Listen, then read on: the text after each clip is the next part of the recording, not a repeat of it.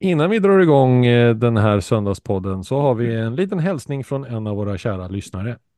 Ja, vi har fått ett mejl från eh, Lars. Han skriver Tjena, nu börjar baksmällan lägga sig. Vill bara skicka ett tack till er för att ni lyfter fram en häst jag annars missat, missat i torsdags. Bäcklös faraon gav mig närmare två millar in på kontot. Säger upp mig imorgon och sen blir det ett, ett år i Thailand. Ni är grymma. Mvh Larsa. Ja, det var ju Tobbe som eh, levererade det här draget. Riktigt kul Ja. mejl att få. Stora Härligt tack att höra, hälsningar till. Tobbe.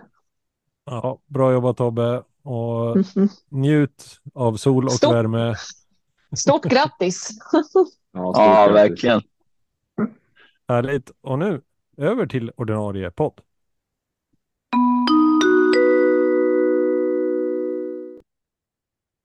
Söndag den 7 januari och jag har framför mig en, eh, ja, ska jag kalla det, en Martin som försöker gömma sig under någonting. Jag har en Oskar som precis kom in i bild och en Kim som eh, ser ganska normal ut i sammanhanget.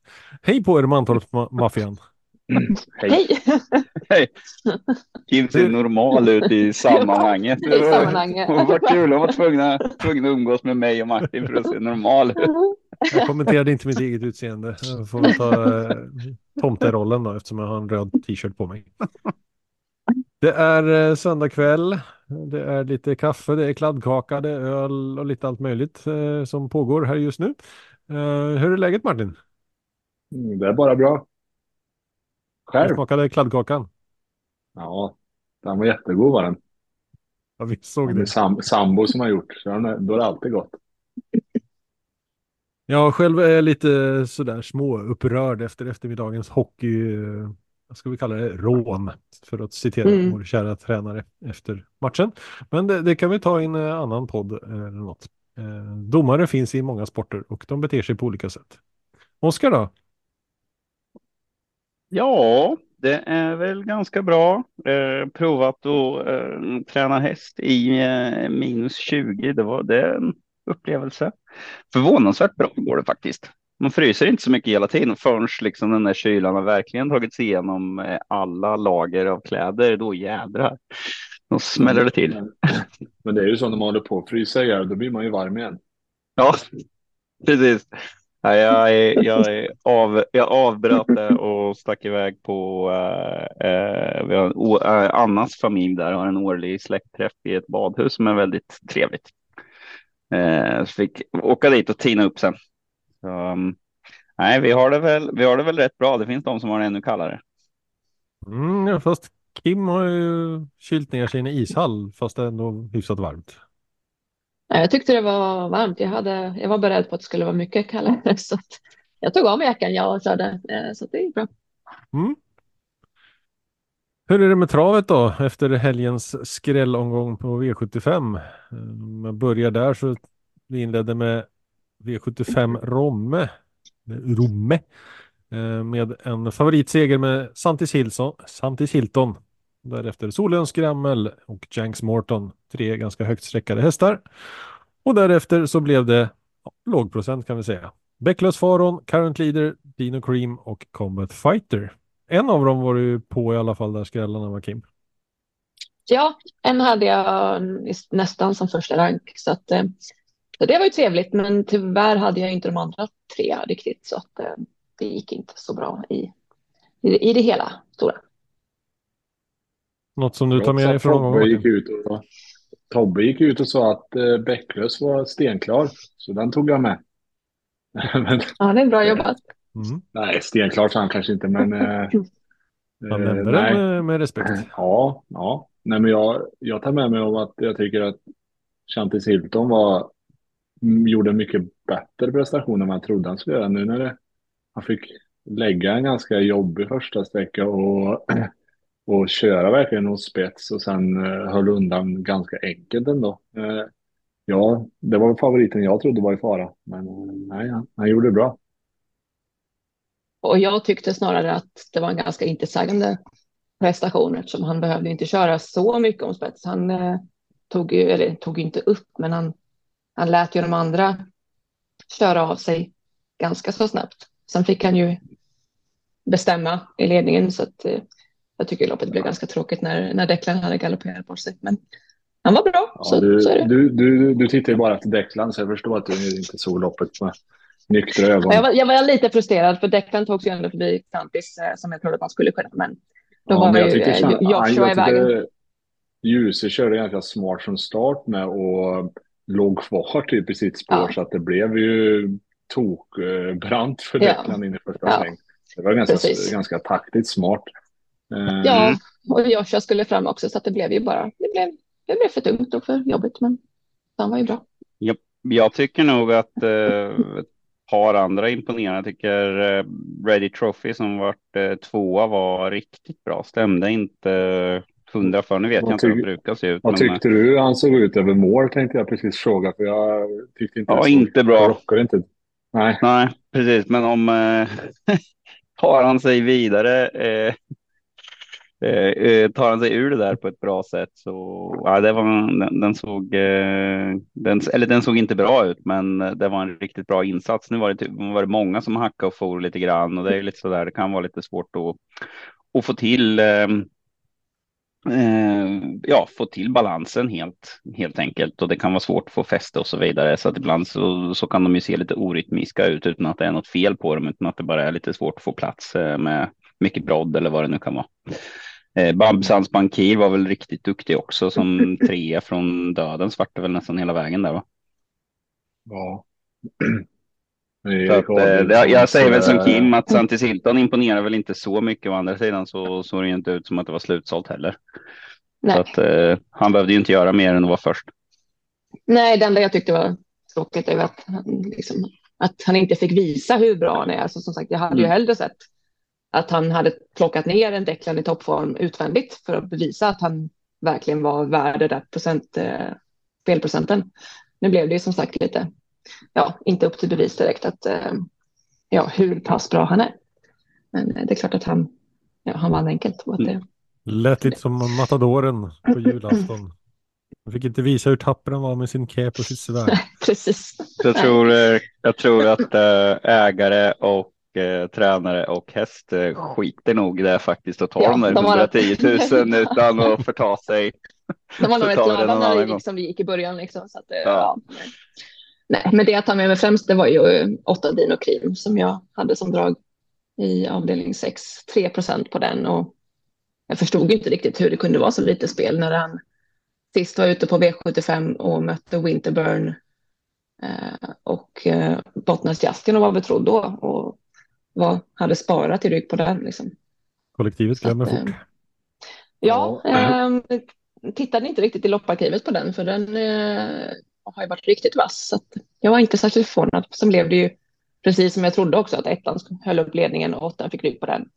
Och ettan var ju med väldigt länge också och hade kunnat ehm, eh, ja, hade ju avgjort det eller blivit två, tre där utan galopp. Så att, nej, ett lopp var jag i alla fall rätt på så att det, det får man väl ta med sig i alla fall. Ett rätt en pod, travpodd med Kim Lagergren. Mm.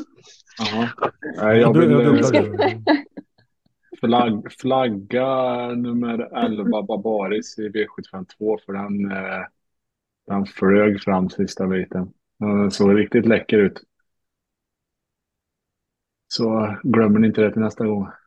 Mm, jag inledde ju starkt med två stycken eh, spikradshästar som vann, men eh, såg att Nuncio var snäppet värre. Tre första vinnarna är Nuncio-avkommor. Det var Ja. vaket. Ja, det var Nuncio Ja. själv på eh, sociala, med- sociala medier. Så, men. Okej. Vad, Ja, vad den tyckte ni om finska gästen då? Den, eh, den väl vek in åren, eh, 500 kvar. Jag vet inte, jag hörde inget Ja, den- också. Men, Den var ju, den var ju, blev ju trött, men sen så krokade ju den ihop med, eh, med Lamborghini Sebuco också, eh, vilket var jättetråkigt för Ola Alsén, för hans häst hade ju krafter kvar. Eh, Så att det blev ju Mm, tvärstopp där ett tag. När det, var det i samband med att det började gå långsamt det hände eller? Ja, det såg som att det behöver gå långsamt. Nej, det var in i sista sväng, i sista sväng. Ja men alltså när pappa Rock det var ju- tappade, var därför de krokade ihop Pappa eller var det? ja, han, jag tyckte det såg ut som att Pappa Rock hade brutit ner lite, lite och hade hjulet liksom framför innanför. Och sen när han tröttnade lite och så, så fastnade de eh, när Olle, eh, när Lamborghini fortsatte framåt. Och så blev det ju galopp och, eh, och tvärstopp där. Så det hade ju kunnat gå riktigt illa, men som tur är klarade det sig. Men eh, som sagt, synd för Olle som blev diskad istället för att få bra pengar. Mm. Jag, har en, jag har en fråga här, Oskar, till både mig och lyssnarna. Eh, när det, är det alla lyssnare kanske har koll utom jag, så att det blir ju pinsamt så. Men när det står att man har 9G, 10G och 11G, vad betyder det? Det är din placering mål, så att om du är eh, off Nya med galopp. Diskad, diskad 11, alltså du är 11 i mål med galopp, så Okej. etta med galopp. Så om du tittar på det loppet, Titta på V75 5. ja eller Mm. V75 3 är det jag tittar på, jag tro- trodde ni var det ni pratade om, men då, då är Lamborghini Ciabuco 9, 9G, eh, Ah, Box 10G, eh, Eva Al Aloha eh, 11G. Och jag syftade på Rayon 1G. Mm, Hade ju vunnit utan galopp där. Mm. Jag står det så har- också. Mm. Vad bra att du frågade där Martin, för jag hade inte koll på det heller. Jag har nog aldrig men jag, sett, jag, har det. sett det några gånger, jag har sett det några gånger och bara, bara okej, det är ett G. Ja. Galopperar. bara. Ja, Galopperar han 11 gånger? Men jag vet att det var någon gång när det har varit så här att typ alla andra har sprungit på 11 och så har det stått 11G. Bara, ah, men han sprang 11 också. I galopp. Ja, I galopp.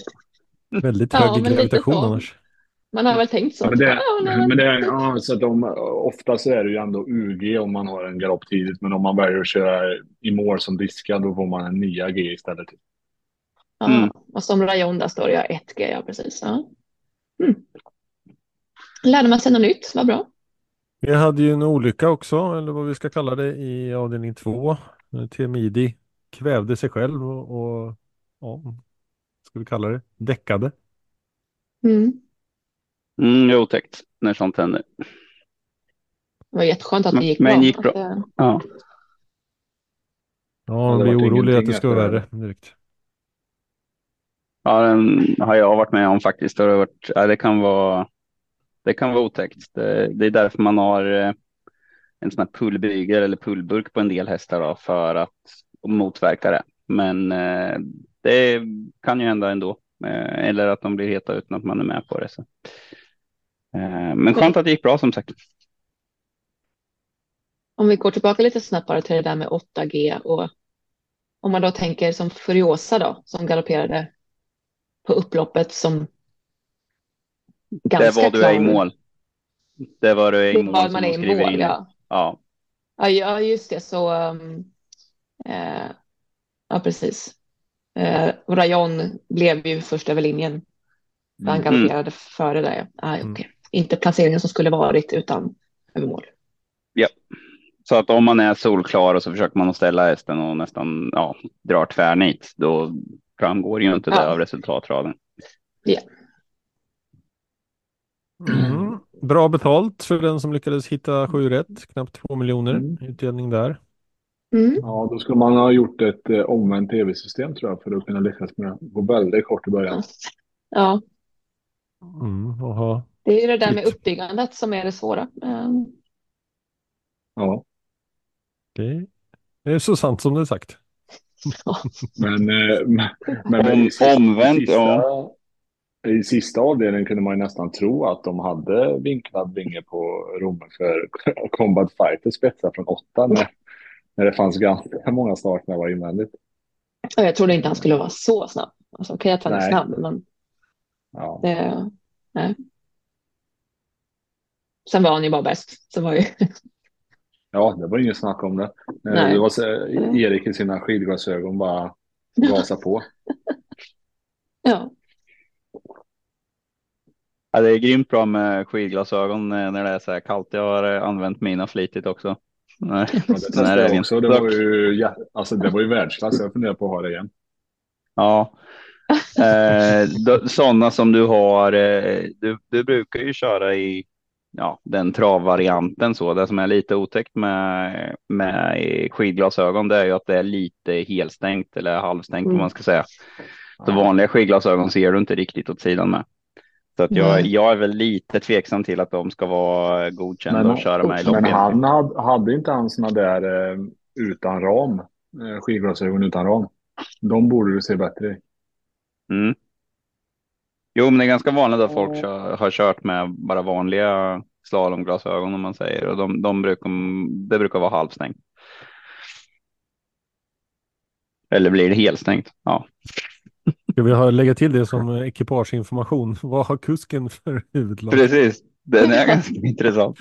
Vi hade... Vad, hade han enhetligt huvudlag? I färgen. Kalle Wallberg eh, som eh, körde åt oss när jag var, när jag var liten. Han, eh, när han bestämt sig för att köra ledningen när det var riktigt skitigt och så alla andra hade så här stängnät och grejer. Då satte han på sig solglasögon för bara för att markera att jag kör i ledning.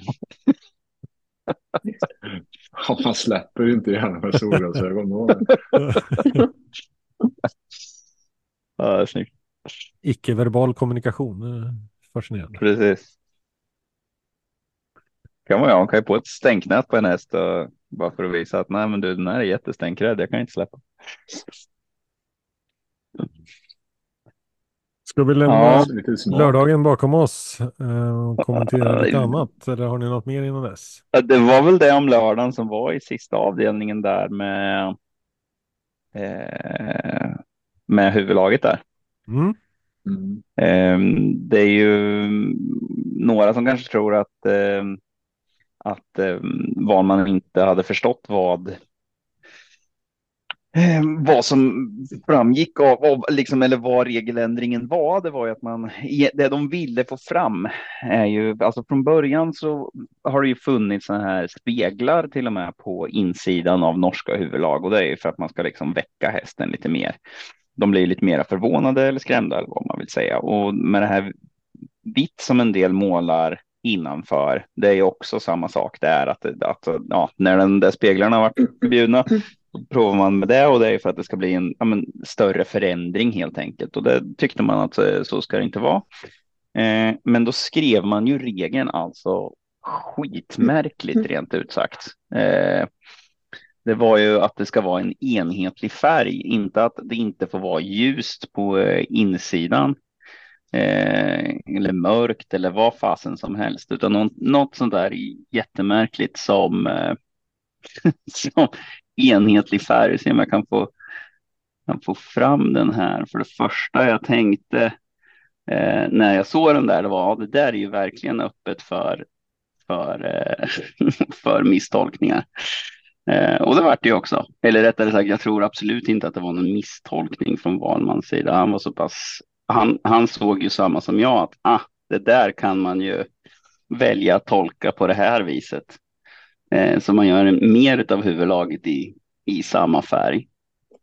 Så att eh, eh, ja, de, den regeln, alltså som de beskrev regeln, då, då blir det på det där. Alltså då, då, det de öppnade för en misstolkning helt enkelt. Får vi se vad som händer framåt helt enkelt med regeltolkningar och formuleringar. Eh, någonting som inte blev av det var tävlingar i Boden i fredags. Eh, där det ställdes in på grund av kyla helt enkelt. Det förväntades vara 30 minusgrader ungefär. Eh, har ni något att kommentera, tänka kring det? Är det rimligt? Det var väl främst för eh, kuskarnas skull. Va? Hästarna fixade det där ganska bra. Ska. Säg det en gång till. Jag var helt ärligt fortfarande fast i att försöka hitta meddelandet från Svensk Travsport. Nej, men det är väl framförallt kuskarna som nästan far mer illa av eh, extremkylan än hästarna. Så att det är väl lite ja. på grund av kuskarnas säkerhet man blir stänger av. Blir, ja, det blir ju lite av en, eh, framförallt kanske en säkerhetsrisk i och med att när, man, när händerna domnar så kan man inte styra hästarna på ett, på ett säkert vis helt enkelt.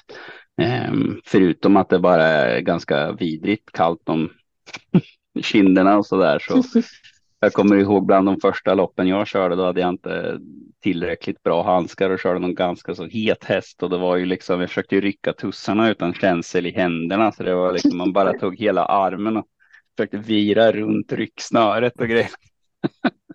det är helt mm. bisarrt. Eh, så att eh, nej, det, man ska nog inte vara rädd för att stryka i alla fall och det är klart att det påverkar ju ändå hästarna lite grann. Eh, med slemhinnor och, och så vidare när det är sån kyla. Men de har ju så pass långa, långa luftrör så att när luften kommer till lungorna så är den ju inte lika kall som den är för oss då, som har väldigt korta luftrör. Kör ni med, ska vi kalla det, värmehandskar någon gång? Just när det är lite kyligt? Ja, en del, ja, en del gör det. Jag tyckte att de är lite för klumpiga faktiskt. Um, så att eh, om det är riktigt kallt så kör jag med fårskinnshandskar och det tycker jag funkar riktigt bra. Sen har vi några så här merinowools uh, eh, liners tycker jag är riktigt bra också.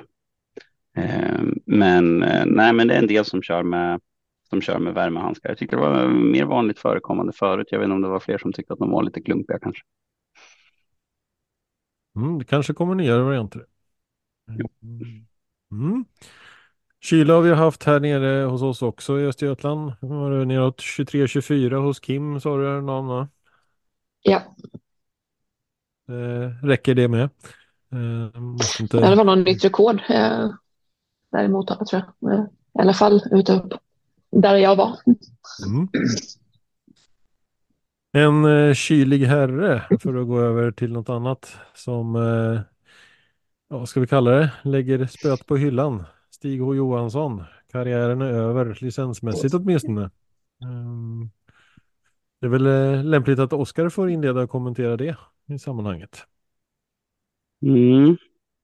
Han är väl eh, orsaken till att jag fortfarande håller på. Alltså det var ju min eh, stora idol när jag var när jag var liten. Några stories om när jag sprang på, på Ja, mitt, om, man, om, man har med, om man följer mig på Twitter så ser man min Twitter-profil där från eh, Storchampionatscampingen när jag var, tror jag var fyra eller någonting sånt där. När jag låtsades att jag körde en, en häst. Jag brukade ha min gunghäst, men den, den gången fick vi fästa den i husvagnen för jag fick inte ta med mig någon gunghäst. Men i alla fall, där sprang jag och försökte prata med Stig som aldrig svarade förrän det hade gått riktigt dåligt hela helgen. Så på söndagen så sa han eh, jag sa, Tja, hopp, hej Stig, hoppas att du vinner. Och då, så, ja, det hoppas jag med. Och då var jag ju, stod typ och glodde rakt fram vid staketet där hur länge som helst när Gud hade talat till mig. Eh, så, men han var ju varit en förebild hur, eller ja, hela mitt liv. Så när jag fick Stig och stipendiet 2003 eh, var ju en otrolig ära. Eh, jag har nog aldrig varit så starstruck någon gång som när han ringde i, den gången där. Eh, och eh, sen har det varit lite sådär, det har gått kämpigt och så, så det hade nog lagt av faktiskt om inte man hade känt det där att från sin stora idol när man har fått Stigo-stipendiet där, jag vet hur besviken han blir när det liksom när någon slutar som har fått Stigo-stipendiet för det är han väldigt noga med vem som får det och så där så att då känner man lite att jag får nog kämpa lite till. Så, så, nej, en otrolig man. Man kan ju inte. Det är ju. Jag tror inte det kommer att finnas någon mer så bra tränare tycker inte jag. Jag tycker ändå att han kanske är något snäpp vassare än, äh, än Redén. Eh, och några till som vi haft nu på senare år. Eh, det är svårt är att liksom... jämföra mellan generationer sådär också. Otroligt svårt såklart. Nordinarna, det finns ju, har ju funnits jättebra tränare genom alla tider, jättestora hästkarlar och det finns i Frankrike och USA och säkert några i Italien och, och så vidare. Eh, men eh, man kan inte nog understryka hur, hur viktig han har varit i alla fall för svensk travsport. Eh, Kim och Martin som är yngre, vad har ni för relation till Stig? Ah, jag som kommit in betydligt senare så har det liksom varit någon, någon som alla snackar om som man knappt har fått sett. När, han liksom, när man började kolla på trav så var, körde han ju fortfarande ganska frekvent. Men jag har ju, har ju läst mycket om honom och vilka hästar han har haft och sånt. Jag, jag blir imponerad över liksom just hur vissa kan vara så mycket bättre på det de gör fast nästan alla vet hur man ska göra det. Det är som med all, alla andra sporter med. Man vet hur den ska utövas men vissa kan liksom magin bakom. Det är häftigt. Jag har väl inte mer än vad jag har hört Oskar berätta om. jag har inte, ja. har inte satt mig in så mycket mer än så. Liksom, och typ, nej, så att, um, ja. Visst, man vet vem man är, men uh, nej, inget speciellt. Men jag tror någonting som är gemensamt för eh, alla extremt framgångsrika människor är att de är ganska vetgiriga och jag hade ju som sagt förmånen att få Stig och stipendiet och då var det en Stig och akademin varje år. Det har väl varit nedlagt sista åren, men eh, eller vart efter pandemin så gick väl luften ur lite grann där när vi inte fick träffas mer. Men eh, vad heter det? Det var alltid så här. Då hade han ju in några intressanta föreläsare och nästan oavsett vad det handlade om varje år så var det ju en man som alltid räckte upp handen mest. Det var, och det var ju liksom Stig liksom, eh, som var mest engagerad. Eh, och då hade han ju liksom gått i pension egentligen redan. Mer eller mindre. Så att eh, nej, otroligt intelligent människa. Mm, vann sin första seger 1963. Det ger lite perspektiv på saker när vi sitter 2024 och pratar om att han lägger ja. av. Ja, han har ju varit med ett tag. Ja, hatten av minst sagt. Eh, respekt och hoppas det går bra även framöver utanför travet. Mm. Ja, verkligen. Han skulle inte sluta med hästar helt. Jag vet inte riktigt vad det betydde. Victor Tilly bor ju kvar där. Eh, han betyder ju så mycket för Stig så han har haft hand om honom där hela tiden. Eh, sen om man ändå har tänkt sig att vara med och träna lite häst eller, eller vad det var, det får vi väl se. Mm, lite mer eh, nutida diskussion på ett helt annat sätt då. Eh, om vi går till Eskilstuna där det brukar hända lite spännande saker. Åtminstone om vi ska lyssna på eh, vår expert Oskar i det här sammanhanget. Um, här kommer ett, uh, ska vi kalla det nytt koncept, ett litet försök den 20 februari på V64. Uh, Kim, Oskar, berätta, vad är det som är på gång? Jag tror att Oskar förklarar bättre. Okej. Okay. Eh, nej, det var ju, det var ju någonting på gång som, som skulle kallas bredd plus, men det var ju då med, jag tror det skulle vara max 18 000 i första pris. Tanken med det var ju, och sen tror, jag vet inte om det var 1000 poäng eh, som man max fick ha eller eh, eller vad det var. Det, det, det satte stopp för i alla fall. För grejen var att ja, det skulle som sagt vara 18 000 i eh, första pris och många reagerar ju då på att det att man tänkte det som ett sätt att spara pengar. Men tanken var ju vad jag förstår att att man skulle stänga ute de kanske ja, men V75 hästar som kommer ut på, eh, på lunchtrav och eh, vanliga dagar och, och gör det liksom omöjligt för vanliga tränare att vinna lopp helt enkelt. Att det är någonting som gör att man kanske tröttnar på att hålla på. Så man försöker hela tiden skruva på, på tävlingsprogrammet och försöka få folk att tycka att det här är ganska kul. Ehm, så att, eh, men det var ramaskri om det. Men eh, eh, Micke Wallin på Eskilstuna har ju alltid legat i framkant tycker jag på att vilja testa nya saker och det har alltid varit mycket anmält till Eskilstuna så att även om det är Stenby nu som sköter propositionerna eh, centralt där så var Micke på en lite om att han tyckte att det skulle vara en bra idé att ha max 1000 poäng i en V64 och då skulle det ju vara, ändå vara 30 000 i eh, första pris. Och tusen poäng det är ändå ganska mycket.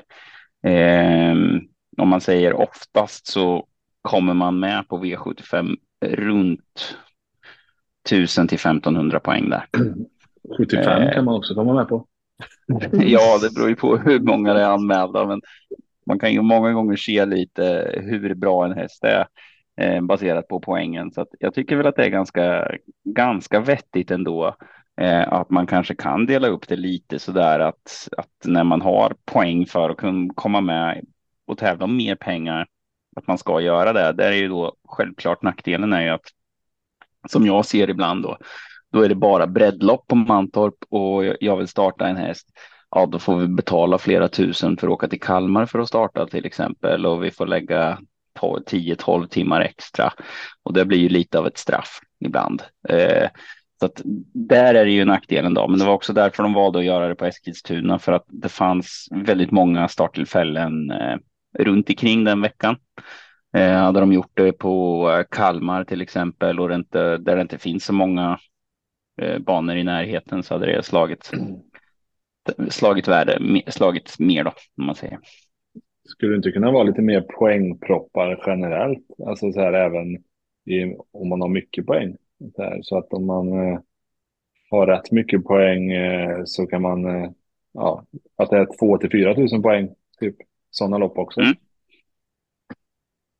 Ja, det är väl ganska stor risk att, det, att de inte blir fulla. Det ska väl ändå vara någon max där känner jag. Men oftast det blir ju, blir ju naturligt att, att du inte kommer med i loppet på ett visst antal poäng, men att man har lite visst eh, en del så där max tusen poäng eller att man får eh, något tillägg. Eller jag, jag, kan väl tänka mig alltså som det funkar i USA. I, årgångs, i årgångslopp, då, väl, då, då ger man ju hästarna en siffra baserat på, säg att det är 72 som får starta. Då lägger man in dem efter hur mycket de har tjänat och den som har tjänat mest får då siffran 1.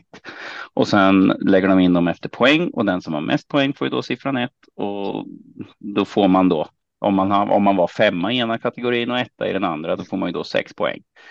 Alltså så skulle man kunna dela upp hästarna i lopp och då skulle det ju kunna bli någon med eh, fem poäng med 900 000 på kontot som möter en med eh, 200 000 på sig med, med 3 000 poäng till exempel. Mm. Eh, ja, lite mer det... variation skulle vara kul för, eh, för det, det, finns ju rätt många hästar som säkert står startklara men det finns inte ja, antingen får de gå ut och få storstryk eller så får man starta provlopp för det finns inget bra lopp. Nej, nej det är ju inte lätt att ha. när man har tjänat 300 000 på sig, då finns det inga lätta lopp längre för att alltså alla hästar som har tjänat ett par hundratusen är ju svinbra. Ja, men hamnar inte, hamnar inte Jan, Janna i en sån eh, sits nu att hon behöver bevisa en del om hon ska fortsätta utvecklas och tjäna pengar. För hon går ur alla årgångslopp och hon har tjänat 300. Mm. Ja, eller hon duger ju. Hon har ju väl visat att hon duger ju bra mot eh, ston med de pengarna. Däremot så kan det ju vara rätt så tufft nu. Eh, alltså i klass 1 och så småningom brons. Alltså mot hingstarna, det är ju ingen lek. Nej, men du tänker om du har, vi säger en hingst som kanske fyller fem nu och har tjänat 400. Det, den ska ju göra rätt bra ifrån sig för att kunna fortsätta. Ja, absolut. Men generellt så kan man väl säga att årgångsloppen, där är det ju eh, upp i tak. Det är väl värre för de som kanske har tjänat eh, en miljon i, i årgångsloppen och sen ska de ut i guld eller silver eller så nu. Janna får man väl säga att hon är väl om man kan kalla det vara lyckligt lottad när man inte fick in så mycket pengar som man har haft kapacitet för så står ju, står ju hon förhållandevis bra in i loppet. Det är ju värre då för Kayla Westwood som hon inte var stort slagen av där några gånger. Eh, hon är ju ute i silverdivisionen nu, eller ja, hon är ju uppe i guld, men hon fick ju vara med när det var fördelston. Hon får ju tampas där.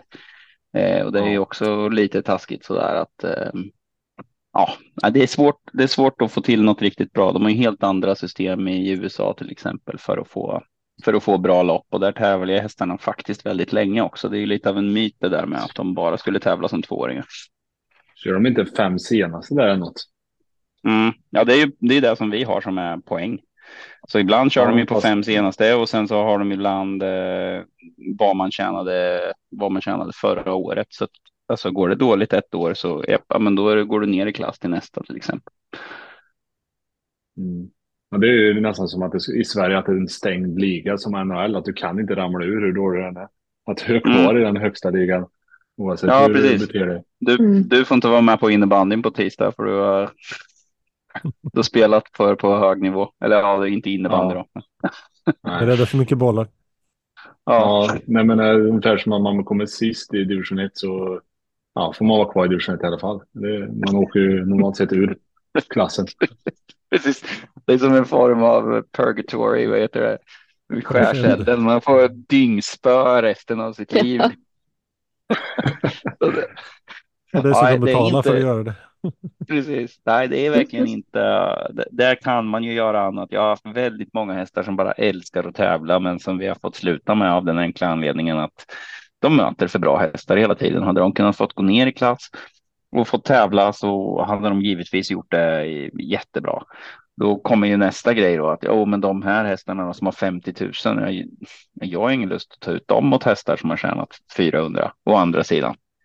Så att eh, det är aldrig någon lätt ekvation det där. Man måste liksom släppa upp de nya utan att de får för tuffa förutsättningar och sen kanske ge de här eh, de här etablerade chansen att tävla också. Nu när vi har lite Ja. mera hästbrist. Så att, nej, det är inte, det är ingen lek. Jag tycker inte man ska, ska vara för rädd för vad, vad hästarna har för pengar. För jag menar, det är ju så mycket dagsform om man är rising star eller om man eh, liksom börjar bli till åren. Eh, om man har en superstjärna som man tjänar 50 så tycker jag inte man ska vara... Ja, tycker det är jobbigt om man möter någon som har 120 som har eh, tävlat på och har 80 starter och har tjänat några tusenlappar per start liksom. Eh, Nej, men tycker så är det stirra så ju. mycket blind på, på just prissumman där egentligen. Men man gör ju det. Nej, även när man så tippar så kollar man ju oj vad, vad det är tufft in i loppet. Ja, så Mm. här, man gör ju det. Men, tyvärr, men man borde inte. Så hårt Nej. egentligen.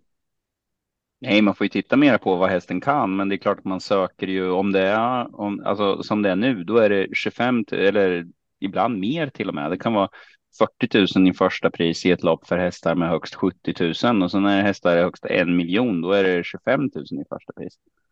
Eh, det borde väl vara någonting kanske som reflekterar lite mer att eh, det är 25 000 i första pris i lägsta klassen och sen ju högre upp man går, desto bättre kvalitet på hästar. Då skulle det ju vara mer pengar kanske. Så att man, men sen kanske mera frivilligt att man kan välja att gå ut i de större klasserna. Vi har ju lite av per tradition att vi, det är ungefär samma pengar oavsett klass en hel tävlingsdag. Liksom. Vi har diskuterat eh, just de här liksom divisionsgrejerna och så tidigare. Jag har även hört på andra håll att det pratas på liknande sätt. Just utifrån att skapa liksom en längre karriär för hästar och en bättre karriär. Alltså, hur fungerar det inom, eh, låt säga, svensk travsport? Hur, var förs sådana diskussioner? Var tas beslut liksom organisatoriskt och sådana saker? Ehm, ja, det kommer ju förslag ifrån intresseorganisationer och det är ju hästägarorganisationer och så är det B-tränarna och eh, A-tränarna.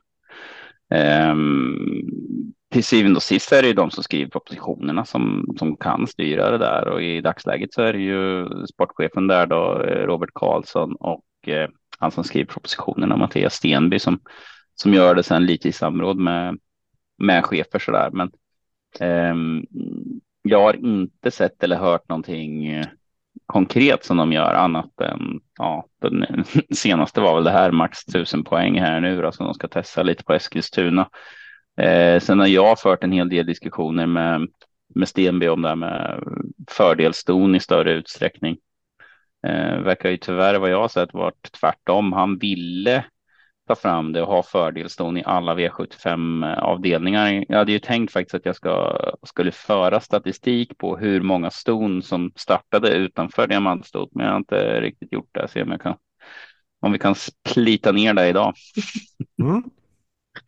Ja, men det är intressant att se, Ehm. liksom, vad, veta om var kan det eventuellt ändras för det känns ju som Det att det är en ganska stor sak egentligen. Det diskuteras på alla möten vad vi kan göra eh, och ja, det diskuteras mycket fram och tillbaka. Det är olika, olika åsikter om det, så man kommer väl inte riktigt fram till något. eh, Man har väl inte riktigt kommit fram till någonting konkret. eh, Tyvärr. Vad, vad tycker ni om att man tjänar 110 000 i klass 2 och 150 i guld? Eh, Jag tycker att spannet kanske skulle vara mer. Inte att man behöver tjäna mindre i klass 2, men att eh, det borde diffa mer. Mm. Eh, Men du liksom, du kan vinner du ett klass 2-försök så ja, du går ju förmodligen ur klassen på en start om inte du startar med hun- 100 Mm. exakt typ. Ja, precis. Och då är det helt plötsligt i klass 1 och så vinner du typ ett försök där så och en final så, ja, nu är jag Mm. brons. Jag hade ju Leonas Kaiser vann ju en klass 2-final med och sen gick jag ut direkt i brons och vann det också. Så han skippar ju, han skippar ju klass 1. Eh, och det gör man ju om det går ganska bra i ett försök så går man ut i klass 2 redan där och sen eh, ja, sen är det en 220 i finalen och då är man uppe i brons liksom. Sen kan det ta stopp senare istället då. För då går det ju fort. Ja. No, det gjorde det. Men Men jag, så här, jag tycker att man skulle kunna, det skulle kunna vara 110 i klass 2 och kanske klass 1 och sen så eh, skulle det kunna vara typ 150 i brons och 175 i silver och 200 i guld eller någonting. Och det har jag tyckt varit eh, lite mer rättvist med tanke på vilka prestationer de behöver göra. Men ja, jag vet inte. för, min, för min del tycker jag att man kan skippa det här med finaler överhuvudtaget. Jag tycker det är lite konstigt egentligen att det ska, man ska kunna tjäna just det 220 000 i en eh, klass 2-final egentligen. Då tycker jag att man kan eh, skramla ihop det och, och, och sen får alla. Då kan man ha en final i så fall. Då blir det ju guldhästarna som vinner såklart. Men eh, tycker man egentligen skulle man bara kunna ha fler lopp och så lägga de där eh, finalpengarna på att höja, höja i alla, eh, alla klasser istället. Och lite som du säger, kanske höja det i, i, i flera, eh, i högre uppåt där istället. Vad är syftet med finaler då? Om vi vänder på det. Varför finns det? Ja? Det ska väl bli väldigt bra sport förhoppningsvis. Eh, när typ, ja, grundprincipen är väl att det ska vara typ sex försöksvinnare och sex tvåor med, men det händer ju aldrig. Ibland är det ju någon som bara typ har deltagit som kan vara med i en final. Det beror ju lite på hur intresset är. Ja, ibland så har man ju varit med i flera försök så det kan ju vara någon som har vunnit och varit tvåa till och med och så vidare. Eh, Ja, nej men det är ju alltså principen är väl liksom ändå att man ska, att typ alla, att försöksvinnarna ska vara med och sen eh, några riktigt bra och då blir det ju jättebra lopp så att det är klart att det kanske förtjänas att tjäna lite mer i de loppen men det är ju med tanke på hur snäva klasserna är så kan du liksom hoppa över två klasser om du vinner en final. Mm. Annars får du skapa en eh, singelfinal som du är inne på Oskar. Och köra voltstart och tillägg på- beroende på klass. Det så var det ju, jag vet inte, ha- hade vi något sånt i år? Vad hette det? Sommartravet va? Mm, det- Ja men det är väl lite som en typ bra sudd med pengar Mantorps. Typ som Mantorps eh, hästägarpokal när man eh, fem volter typ eller något. Nej, men, Mm. eh, det går ju att ha sådana lopp. Jo, men det hade de ju sommartravets final. Då kvalificerade ju in genom att vara med på sommartravet. Det var väl, slopa de där eller? De hade ju det för några år sedan. Då var det ju så. Det var ju en 300 000 i första pris eller vad det var. va? Mm. Kanske var länge sedan. De aktiva, eh, de aktiva hjälper inte alltid till så bra heller när det kommer här nya idéerna med någon ny propp som liksom man pratar mycket och sen när det väl kommer med något nytt så, nej, inga anmälda. Ja. Idiotiskt. Ja. ja, eller så blir det Det bara så här, nej, utskällt i det- största allmänhet. Ja, ja, men då är det så här, nej, det, vad är det här för nytt? Nej, jag anmäler som jag alltid gjort. Ja. Nej, men man, sen, sen vet man ju inte, men det är alltid, det, det är alltid svårt det där. För men alltså, skulle det bli i bara någon enstaka propp där det liksom eh, hästar med 400 000 eh, kan vara med i lopp med eh, högst eh, 100 000 i första pris. Ja, men i början så skulle man väl kanske inte vilja vara med i det här loppet om man inte hade så mycket pengar på sig. Då skulle man kanske välja något annat. Så att det vill ju nästan till om man ska testa någonting eh, att det är så på alla banor. Mm. För annars kommer det bli väldigt diffat. Hur, hur viktigt är det att, att, som travtränare att vara duktig på att avgöra om hur, hur bra lopp det blir för hästen? Liksom, om du sitter och kollar proppar, du vill ju ha så lätt motstånd som möjligt. Hur viktigt är det att lägga tid på det där och hitta de här perfekta propparna för sina hästar? Att man tror att det här kommer bli så lätt motstånd det bara går liksom. Ja, det är en... Det kan nog vara nog så viktigt. Alltså när man hittar något sånt där. Sen, sen är det väl ändå så att man, alltså, det viktigaste är väl kanske att man startar när, när hästen är i ordning. Ibland har det Mm. känts lite som att man har gjort någon start för mycket för att man egentligen inte är så sugen på att starta, men fasen vad billigt det där vart. Eh, och så anmäler man när hästen inte är riktigt i form och ja, de andra hästarna var i form. Det var ju tråkigt. Händer det att du avan, avanmält hästar för att du ser oj, vilka motståndare och så Ja, oh ja. Det var ju, det, det, det händer ju ofta. När man ser att man har eh, ett gäng med alternativ så kikar man ju lite på motståndet och, och så får man göra, göra bedömningen om man tycker att det är värt att gå ut där eller om man ska vänta till, till någon annan propp som eh, Hermine Ima hade vi, har vi tänkt att hon skulle starta på Mantorp på måndag men sen höll vi ögonen öppna lite på ett lopp på Solvalla Eh, om det hade varit lite roligare kanske och, och vara med där och hade blivit lite bättre i tid. Det blir lite långt med, med att vänta till Mantorp på måndag, men eh, eh, då tyckte jag att det var så bra propp på Mantorp och eh, motståndet på Solvalla så pass tufft ut så att då, då valde vi att vänta till Mantorp istället. Då blir man ju intresserad om du menar med motståndet ser tufft ut om du sitter och kollar oj, de har så mycket pengar eller om du faktiskt kollar vad det är för hästar. Ibland så kollar man ju upp dem.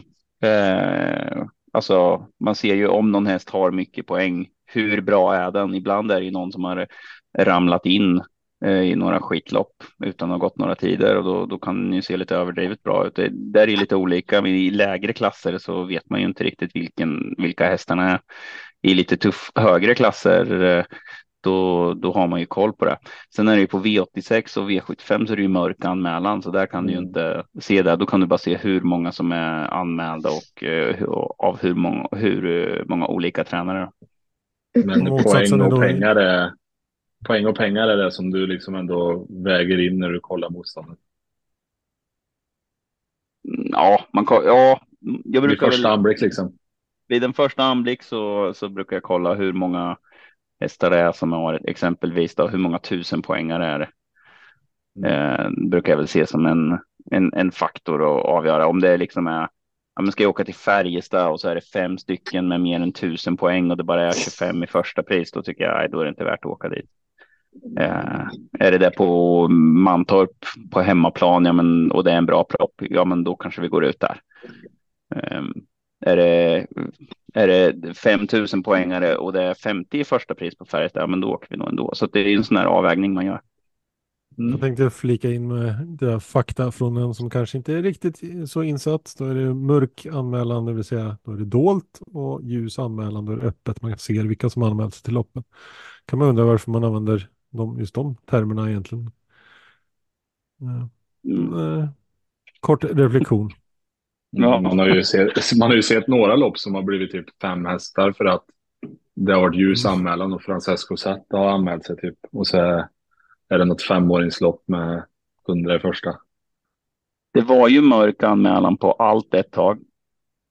Och det var det ju ramaskri om. Jag tyckte faktiskt att det var ganska bra. Det vart ju asjobbigt när det var ljus anmälan för då kan man ju gå in och eller då måste man också kanske gå in då och vara lite taktisk och titta på det där. När det var, när det var mörk anmälan då var det ju bara att kolla på hur många anmälda var det och då kunde man göra en bedömning. Sen får man ju hålla lite koll också då. En del dagar är ju anmälan till sex banor samtidigt. Eh, och då är många som anmäler till flera banor eh, och kanske tar ett lopp i första hand, det som man tycker ser bäst ut. Eh, men sen kan man ju växla det ända fram till klockan nio. Så att eh, ibland är det ju svinjobbigt det där. Alltså, man, då får man ju inget gjort förrän efter nio när anmälan har gått ut när det är sådana där dagar. Men eh, värt att tillägga också är ju att på mörk anmälan så ser man ju många olika tränare som har anmält. det Gör man ju. Nu, det är ju ganska nytt. Ja, det gjordes ju efter. Var det Efter att Ljuse som anmälde? Ja, Ljus Ja, eller Ljus. Melander tror jag. Ja, anmälde hela stallet så att det skulle se ut att vara många. Sen Mm. plocka bort dem i sista stund. Eh, Ja. det kan ju också vara en sån grej faktiskt. Nu vet jag inte hur det var, men ibland så anmäler ju jag hästar överallt och det är ju som en del. Det kommer ju upp sen då på min sida på Svensk Travsport. Då kan jag se vart har jag hästar anmälda och när är anmälan och vilket lopp det var.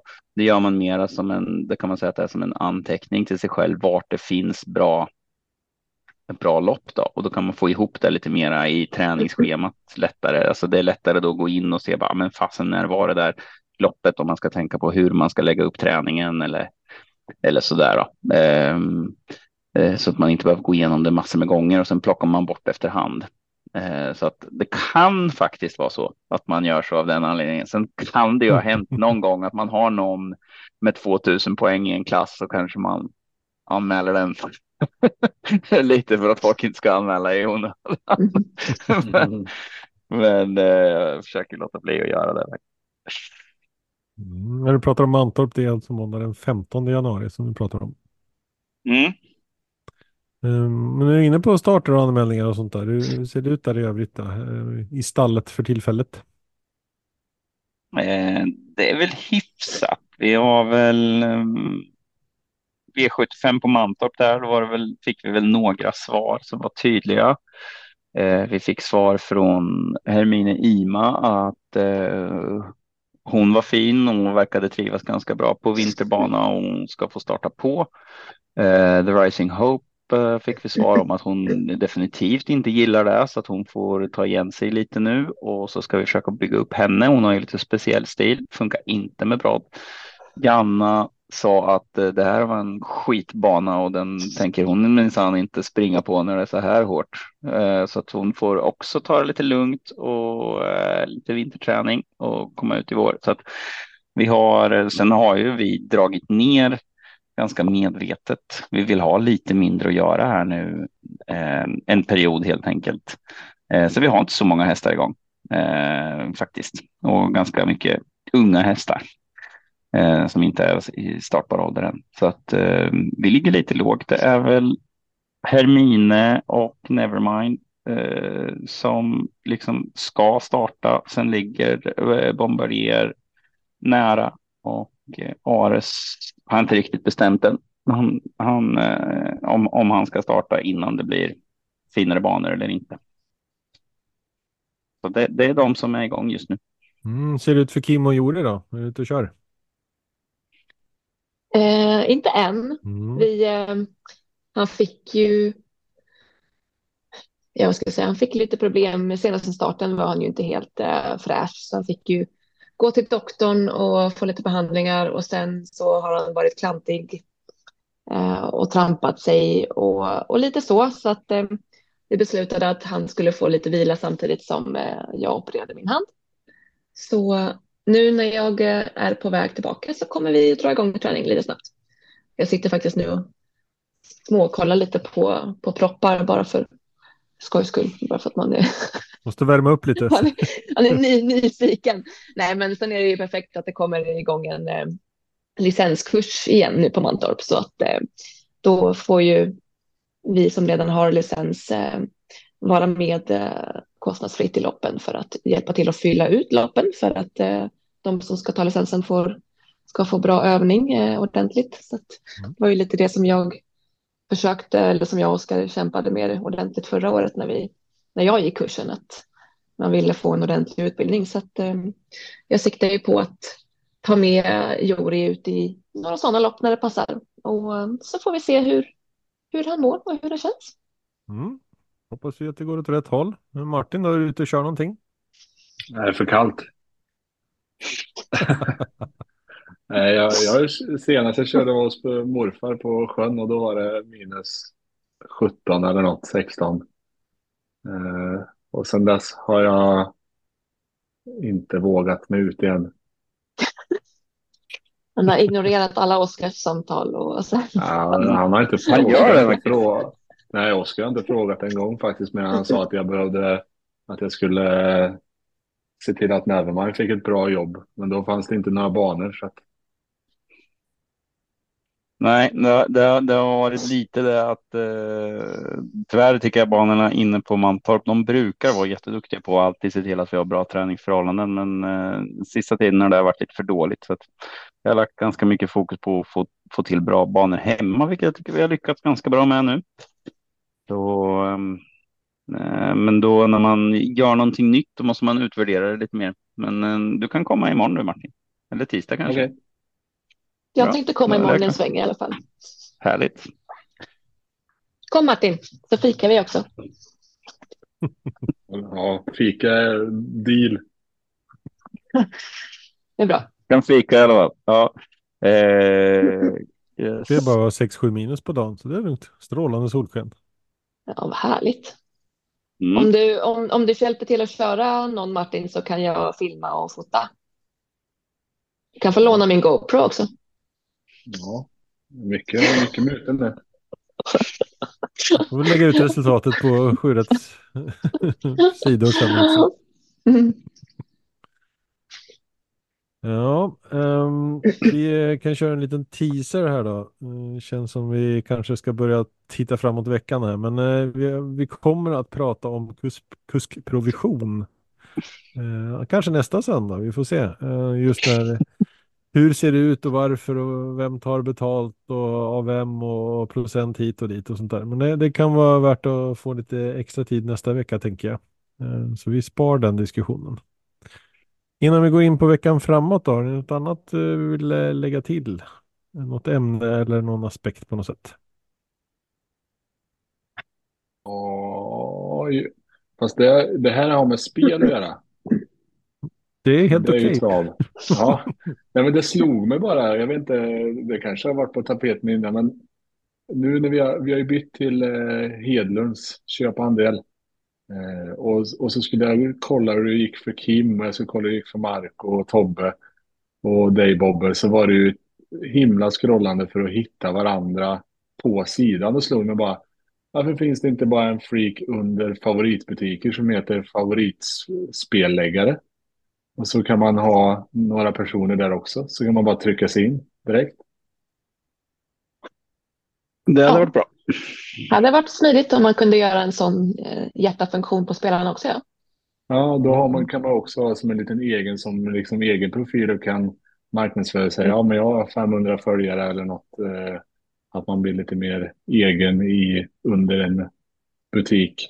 Eh, lite som att man har ett Mm. eget Instagramkonto eller vad som helst. Eh, nej, det bara slog mig att varför kan jag inte hjärtmarkera alla i 7 gruppen så jag lätt kan trycka mig in och se hur era lappar ser ut och så vidare. Det går ju att eh, filtrera på spelägare, men, eh, Ja, ditt, men man skulle... men ditt sätt är ju roligare för att kunna spara Ja. spelägare. Det låter ju som en Ja, bra och då idé. kan man säga om man hittar, man, det kan ju gärna vara så att på någon annan stor butik kanske man har en kompis som man tycker eh, spelar duktigt och vill köpa någon gång. Då vill man kanske Mm. bara ha just den personen. Så Och inte butiken lyssnar, nödvändigtvis. Ja. Nej. Ja, så ATG om ni lyssnar, eh, fixa det. Ja. Då kan man även kanske följa den personen om de byter ombud.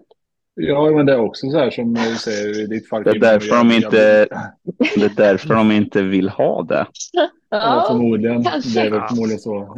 så här, till exempel jag och Kim bytte så här. Ja, men då kanske det var några som jag har fått frågan. Ja, du slutade med att lägga spel. Nej, jag har inte slutat. Så här, så Mm. att, Då eh, tappar jag ATG-omsättningen. Det är inte bra. Ja, men det blir väl så här att då, då för blir det väl mer persona. Ja, jag vet inte. Det finns säkert något varför det inte finns. Men jag tycker det var en bra idé i alla fall. Ja, men det köper jag. Mm. Bra tanke. Men då så, då tittar vi på utbudet kommande vecka. Som är den, eh, ja, ska vi kalla den andra veckan i januari då. Eh, Vi inleder måndagen med V64 Gävle. Tisdag V64 Jägersro. Onsdag så är det V86 Solvalla och Bergsåker den här gången. Torsdag bjuder på V64 Åby. Fredag blir det dubbel V64 delat på Romme och Jarlsberg. Sverige och Danmark alltså. Lördag då V75 Kalmar. Och sen söndag GS75 Boden. En snabb fråga till Oskar där. Mhm. Hur, eh, hur vanligt är det med eh, proppar där det är fördel 3-4-åringar? Jag såg på torsdag så är det Nu. många sådana lopp på Åby. Nu, ja, nu är det ganska vanligt. Det har det inte varit förut. Ja. Nej. Nej, jag har inte sett så många sådana i, på ATG. Ja. Liksom, att Nej, det står jag har, inte Men, sett eh, det, jag har inte sett det alls förut. De Nej. där fördelar har de ju haft, så där fördelston och sådär. Men Mm. Junior det är väl en vettig grej. Mm. för det det var vettigt. fyra, eh, tre sådana lopp var det på V64 på torsdag. Mm. Så det var, och då är det som en spårtrappa. Nej, Jag tycker väl att det är bättre egentligen, för det är många gånger som det är treåringslopp Ja. till exempel och så är inte de fulla och sen finns det mm, i någon annan klass och är det mer än överfyllt liksom. Så att det är väl eh, vettigt att eh, göra på det viset istället. Spårtrappa Men då är det inte att, att det blir att det är spårtrappa utan mer att de kommer före in i loppet, eller? Det, om man tittar på proppen, de som jag har sett som är så, då kan det ju vara till exempel eh, alla hästar högst 100, eller 100 000 men tre och fyraåriga får ha 150 på sig. Precis, så att det, Eh. inte, det har inte med spåren att göra utan mer med att de, ja, att eh, De får ha mera pengar, på pengar, sig. de Så att om du har en, på sig. ja. Mm. ja, har en tre eller fyraåring med 90 000 på sig i det här fallet, då har du ju ingen fördel. Det är precis som med fördelston i silverdivisionen till exempel som det har varit. Mm. Precis, det var femåriga och äldre upp till 130 000 och tre, fyraåringar upp till 180 000. Mm. Och det är intressant annars med spårtrappa, spårtrappa med ålder. Så de På ålder, äldsta får sämsta, de äldsta får sämst spår. 12 Ah, borde det inte vara- Ja, 12. tvärtom. Det borde väl vara tvärtom där. Nej, Så så här, de nej. yngsta och äldsta får bäst spår. Och så de Ja, mittemellan de får sämst Ja, spår. så Men om det är matdelning. 12 till 15 Eller på poäng år, som vi pratar. Ja. Men, men om vi, har, om vi behåller det här systemet för hästar med högst 150 000 och en av deltagarna är 12 år, då tror jag faktiskt att den behöver ha bäst spår. För den har nog Ja. troligtvis tjänat ungefär 500 kronor per start. Var det inte någon åttaåring som ute i klass två här en veckan? Som vi konstaterade. Ja. Kronor per start, eh, Ja, just spårtrappa. det. Mm. Jo, men jag tror att man får göra lite, lite sådana grejer, lite omvända fördelar. Att man kanske har en, eh, ja men säg att du gör en eh, delningspropp som man säger, att man bara anmäler och så anmäler man kanske efter eh, pris, alltså delar man upp hästarna efter prissumma så att de som har de 12 som har minst på sig möter varandra, men istället för att kanske ge dem spår efter eh, prissumma så kanske man kan ge dem spår efter poäng där den som har minst poäng får Mm. spår ett. Till exempel. Kronor per Eh, start hade ju annars Mellbyhästarna fått sämst spår hela tiden. Ja. I alla fall de som har snurr. Ja, precis. Mm. Mm. Ja. Den har jag inte tänkt på förut med poäng. Fan, den var rätt bra. Ja, Eh, Jag har Ja. gjort något bra idag i alla fall. Titta, titta. Det tar sig. V75 Kalmar då. Lördag den 13 januari. Oskar har kört på banan ett antal gånger. Den är 1000 meter och inga konstigheter så. Upploppet 207 meter. Vad har du att säga om den annars? Eh, jättebra volta på. Jag tycker att fler banor skulle, det är en jätteenkel grej. Kalmar är så smarta så att banan är inte så sjukt bred egentligen, men de har breddat vid startplatserna. Eh, det vill säga, de har ju lagt, eh, vad kan det vara, fyra meter extra vid startplatserna, fyra gånger 80 meter typ har de kostat på och har gjort det mycket bättre att volta. Gör det fler banor, snälla. Det är mycket bättre för hästar och kuskar och alla. Så att lätt att volta från alla spår skulle jag vilja säga. Det är inget spår som är så himla snävt på, på eh, Kalmar, så det kan man ta med sig. Eh, spår två blir väl ändå lite som det alltid är att, att det är snävt, eh, eller inte snävt, utan det kan vara lite stressande för en, för en häst att ha spår två för att det måste gå så mycket långsammare i volten. Men det är ändå, volterna blir större så att det är mindre stressande ändå. Eh, brukar alltid vara bra bana eh, på Kalmar. Jätteduktig banmästare. Eh, ja, vad ska vi säga mer? Ser ut att bli jättefint vinterväder. Mm. Eh, kanske lite på plussidan dock, men eh, ja, det kan ju ställa till det med tjällossning och sånt. Men det kan nog vara rejält fruset. Vi får väl se. Sånt som man får hålla koll på. Ska vi ta och göra oss redo för listor och eh, sju avdelningar med start 16.20 Kalmar. Och då gör vi på sedvanligt sätt att jag läser eh, nummer och eh, häst och Oskar levererar fader till hästen. Vi inleder med ett eh, försök i silverdivisionen. Fördelston. Vi ser om vi har något fördelssto med. Ehm, inför en final på Solvalla den 3 februari. Snabb överblick. Vi har ett 12-årigt sto med. Eh, Mm. vi ser Prissumma. Nej. Ingen fördel där. Men ändå ett sto med i loppet. Då får du notera Oskar. Du som ska notera antalet där. Ja, just det. Eh, Men vi har 12 hästar bakom en startbil. 2140 meter. Och där har vi ett Dominic Wibb. The Bold Eagle. Två Innovation Love. The Love You. Tre Mikrovic. Micromesh. Och det var då det tolvåriga storet i sammanhanget. Fyra, RK King. Make it happen. Lika gammal men en vallack, 12 år. Fem, Larry Wood. Maharadja. Sex, Grappaboy. Jali Boko. Sju, Joe Dalton. Father Patrick. Åtta, Red Mile Brodde. SJs Kaviar. Nio, Lorenzo Bocco. Zola Boko. 10 Game Brodde. Hästkisk Caviar. 11 Hipster Am. Muscle Och avslutningsvis Major Ass. Efter Varen. Eh, liten kul grej bara med Micromesh. Jag frågade Ludde om hur det var med löpskallen på, på den, för han hade haft lite tveksam sådan när jag var lite intresserad av och, om man skulle ha eh, om man skulle betäcka med den. Och då sa han, men det hade han och det vet jag för jag körde bort den själv. det var lite kul. Han berättade om de story. Han hade inte varit riktigt kurant. Han hade kört jätteoffensivt och efter det så hade han knäckt den lite. Så, det var lite, lite kul på ett sånt här sätt som bara Ludde kan göra. Det var, roligare när han sa det. Yes, 125 000 i första pris. Vad säger du här Martin? Jag ser att du sitter och klurar och scrollar. Mm. Har, ja. Hittar du för första häst wow. på nummer 12? Nummer 12? Av ja, de här 12? Bland ja, de inte 12 så. nummer, ja, nummer 12 var Major Ass var ganska bra på Mantorp eh, när jag var där. Mm. Den slog ju några här. Den slog ju Game Brodde och den slog ju Joe eh, Dalton. Joe Dalton.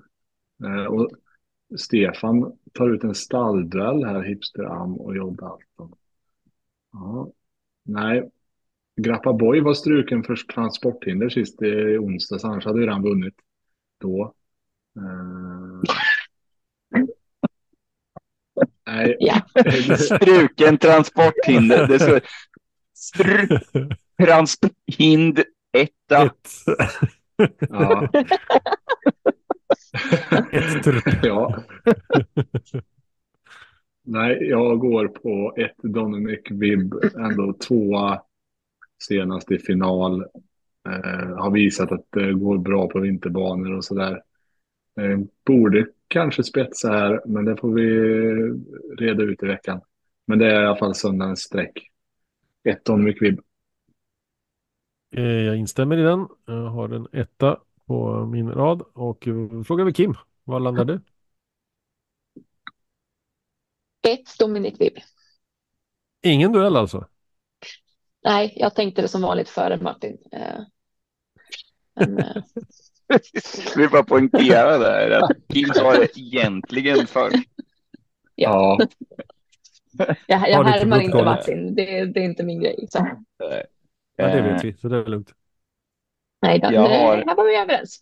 Jag kommer ihåg eh, Larry Wood som vi hade lite som skrik på för att han gick så otroligt bra på Kalmar där midsommarhelgen och så vann han sen på Halmstad sen Sprintermästarhelgen på han gick 11 och 4 full väg där på eh, Kalmar från spår 8.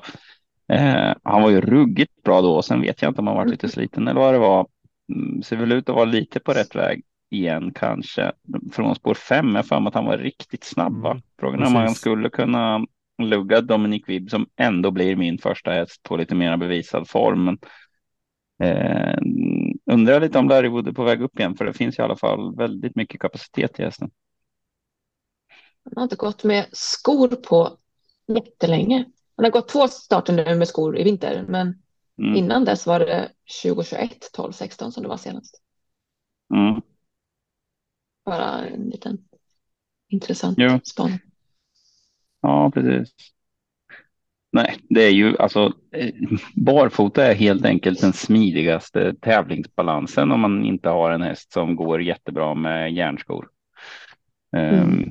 Det är mycket smidigare att eh, bara ta av träningsskorna och sen sätta dit dem igen än att hålla på och få till något, någon perfekt sko. Så att jag tror det oftast hänger det mycket på det. Han har ju vunnit med skor nu i alla fall. Mm. Mm. Absolut.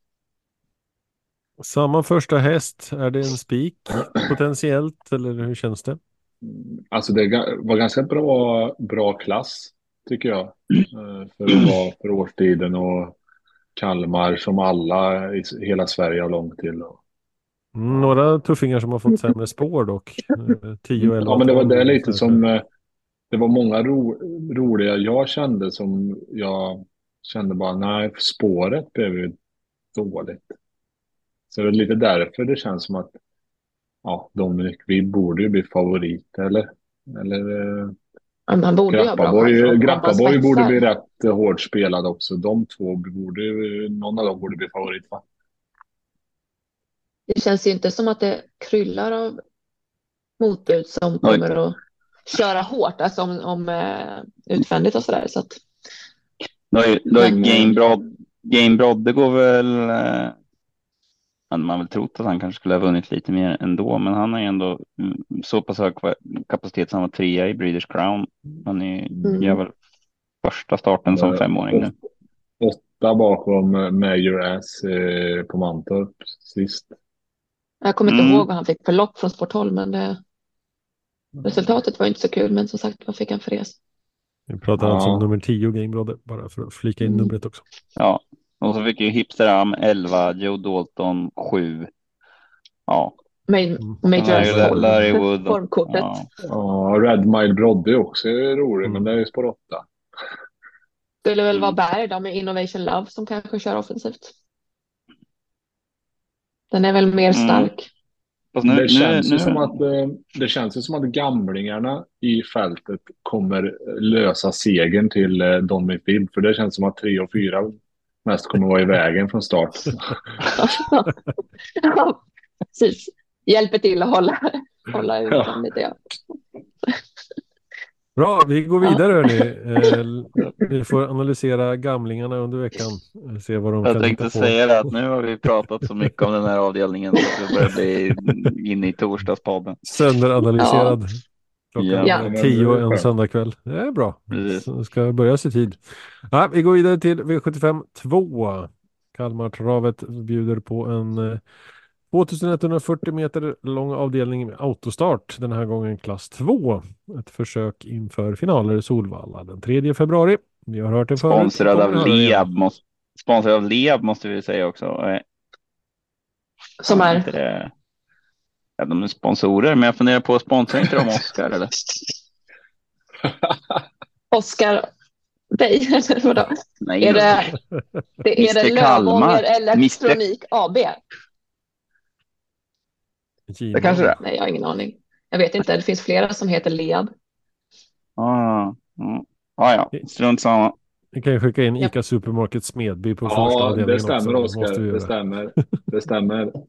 Han har Ja, Leab på hjälmen. Jajamän. Ingen Oscar i startlistan dock. Det är Ja, det var ju lite dåligt. Han Ja, kanske har andra uppdrag under loppet. Eh, vet man aldrig. Men det är i alla fall som sagt var ett klass 2-försök med 12 hästar bakom en startbil på 2140 meter. Ett Careful Dream. Tobin Kronos. Två Peak Cashflow. Eh, Red Cash. Tre Patricia Bo. Cantaball. Fyra Ett Under. Bird Parker. Fem All About You. Oasis B. Sex Melby Jail. Ridley Express. Sju Rustico. Classic Photo. Åtta Take Your Time. Ken Workington. Nio Kingsman. Maradja. Tio Vancouver High. Jalibuco. 11 Nunchaku Nuncio. och 12 Just Wish Boko. Efteriki Boko. Mm, ett klass 2-försök. spännande att kika.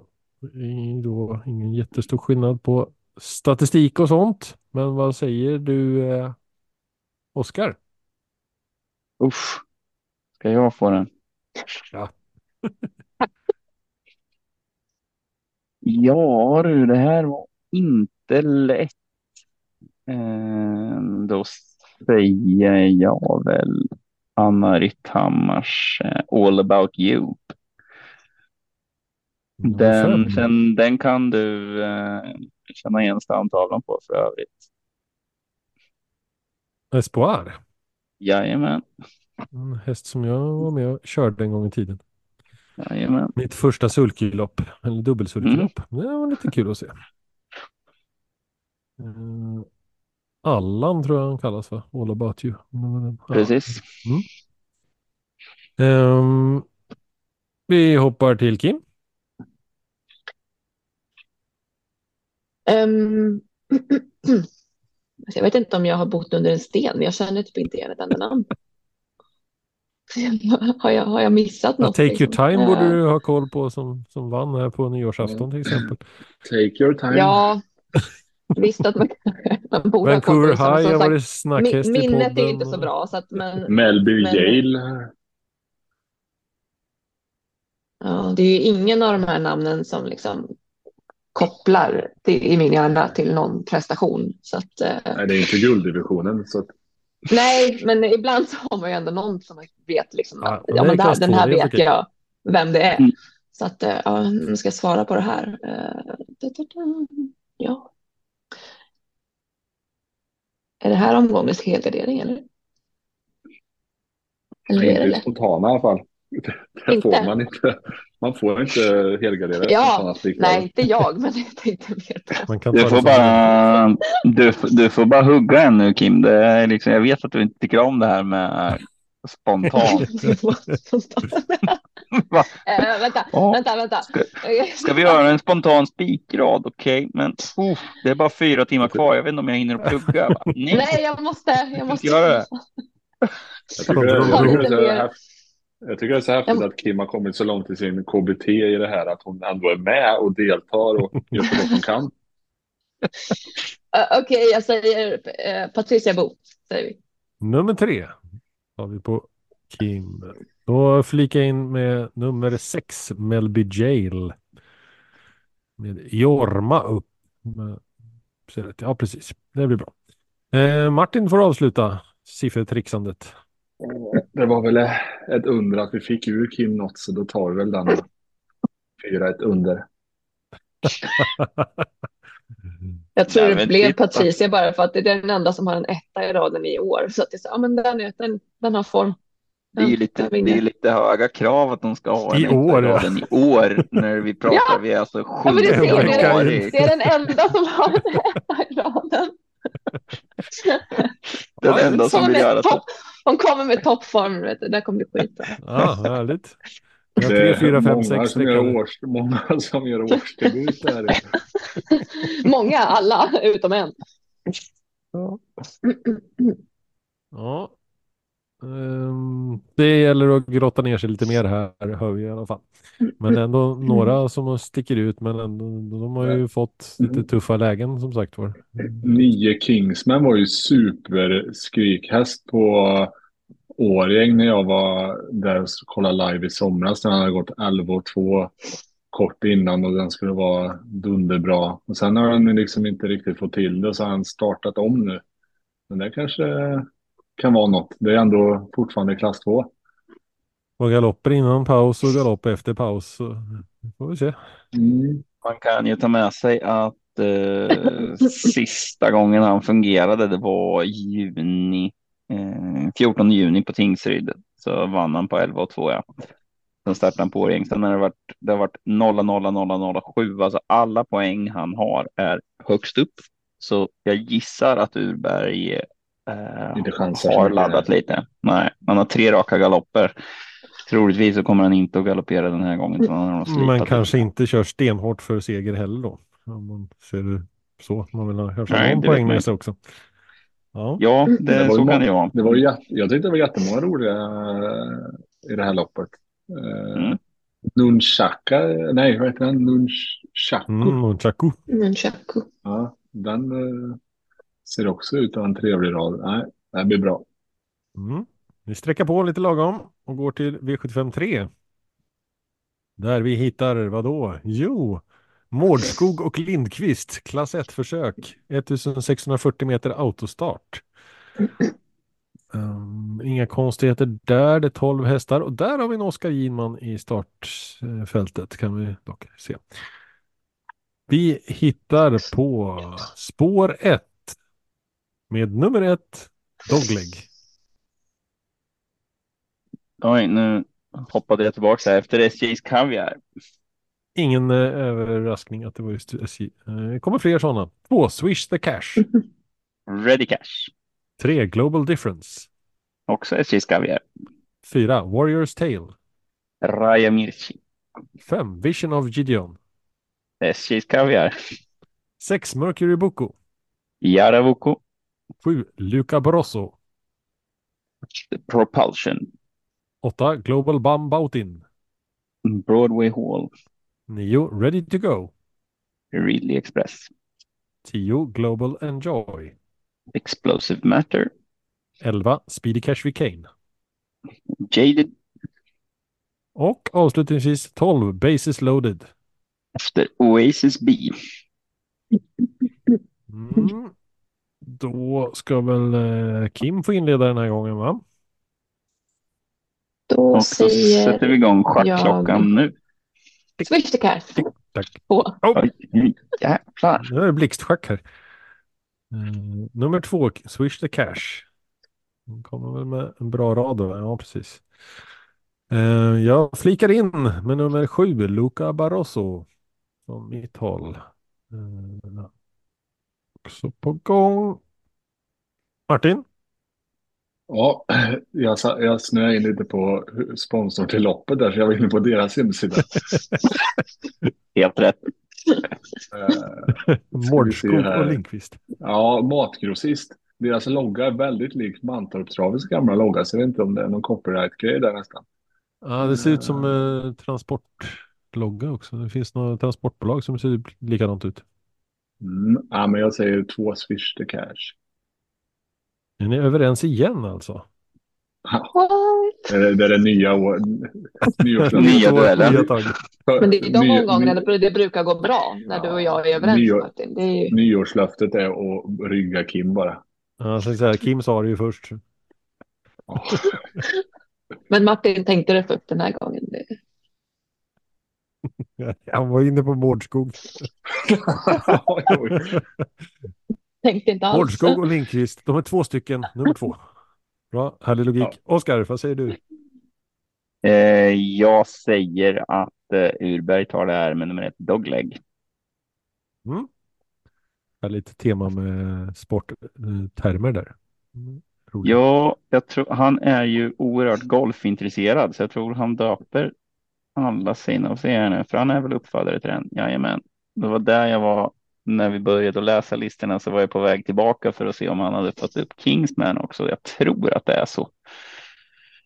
Eh, och att den, en, det är någon form av golfterm. Jag är inte så Ja, det är det. Mm. insatt i golf. du, var han, eh, var han, var han hundintresserad sa du? golf. Eh, nej, fast den var Ekerum Trav och Anna Bogren som har fått upp Kingsman. Så... Fast det är i och för sig han som, han är delägare så jag vet inte om de, han, de kan ha döpt om honom. Det finns en eh, golfbana som heter Kingsman. Okej. Kanske var som bara köpte den och såg, i- såg att den var till salu, köpte den direkt. Bra namn. Köp. Ja, köp. Jag känner, jag har träffat Tuber några gånger, det känns som en typisk sån grej han skulle göra bara lite spontant. Eller inte. Jag tror jag kollar igenom det ganska noga. Vad tror ni mer om det här då? Jag hittar ju ett antal som jag skulle vilja ha med i alla fall. Eh, förutom eh, det jag nämnde, Luca Barroso, även kanske sex Mercury Bocco, lite sådär som ser intressant ut. Jag hade väl den lite eh, Global Difference eh, hade jag väl lite funderingar på också. Sen såg jag bara en som inte har så imponerande rad om man säger så. Så är det Global Enjoy har varit ute i och tävlat om väldigt mycket pengar hela tiden. Han är den hästen i loppet som har eh, helt överlägset på den. Så den var jag lite sugen på att ta den här gången. Men eh, han har tävlat om 150, 200, 400, 150, 110. Så att han har ju varit ute i riktigt tuffa gäng. Även om han inte har fått till det 100 då. då. Tillägg från er övriga som ni känner för eller hittar sådär? Lite klurigt men eh, Gidman spår 12. ja, basis loaded. Jag var väl snarare i så fall inne på Speedy Guy Kane. Han har ju, har ju gått riktigt bra på, på kort och gått bra på Kalmar. Har tävlat i år. Även om de inte vunnit. Mm. Jag tycker många som jag faller i ögonen på får dåliga spår. Det verkar vara en sån omgång. Mm. Ja, det är jobbigt med kortdistans just här också. Ja, nu var jag lite sugen på 8 Global Baum Bautin, men spår 10 sist var trea och nu spår 8. Det var inte mycket bättre. Om, om inte sämre. Mm. Bra, vi tuffar vidare helt enkelt. Går till avdelning 4. Och vad gömmer sig där om inte Eclipse Biofarmab diamantstorförsök eh, med voltstart 2140 meter. Samma finaldag som hägrar. Eh, Vi har nio stycken hästar på startdistansen och sex stycken på 20 meters tillägg. Och då inleder vi... Ja, Ja, jag skulle bara säga och det tillägget är vid 210 000 när det är högst 525. Så det är alltid spännande lopp där tycker jag. Mm, Ganska stor skillnad mellan intjänade pengar på startvolten och tillägg kan vi säga. Men vi tuffar igång med ett Funny Sensation. SJs Kaviar. Ah, vilken överraskning. Två. Xia Lloyd.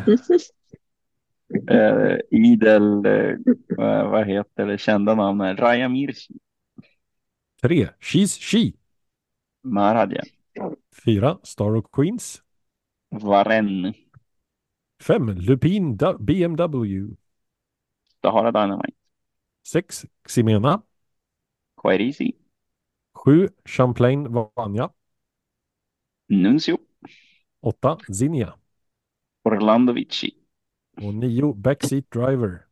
SJs Kaviar, Det var alltså startdistansen. Och sen har vi tillägg 20 meter. Från spår 1 har vi 10 Cascabella. Raja Mirchi. 11 Tsiva. Känns som hon upprepar från startvolt men nu Varen, 12 Dev Standilion. Going. Kronos, 13 Cigars Eagle Owl kommer ut igen.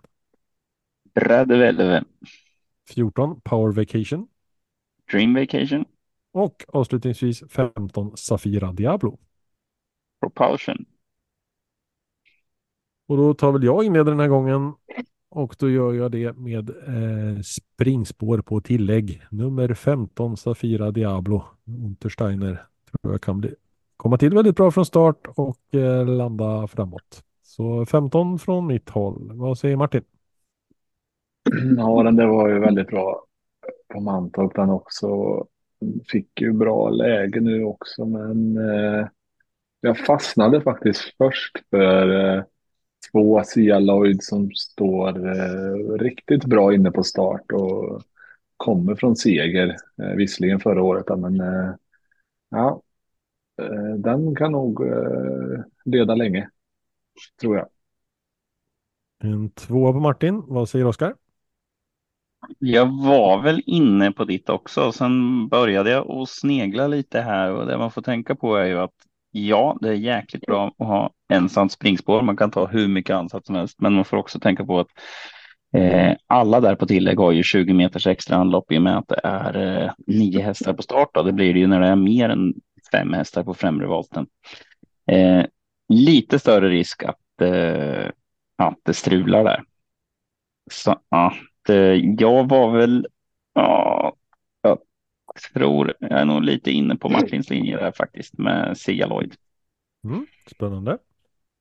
Vad säger Kim då? För eh, omväxlings skull så eh, svarar jag samma som Martin. Två, två Lloyd. Jag var först. Stack ut, stack ut lite. Mm. Det roliga, det är nog första gången som jag har att välja på två hästar som börjar på XI. Jag var lite sugen på Imena Låsa. också. Imena. Jag vill låsa ett X-lås. Så är det två stycken som börjar på Z i sen också. Zinnia och Ziva. Mm. Ja, just. Känsla i övrigt? Skulle det vara tänkbar spets och slut eller är det för svårt från spår två?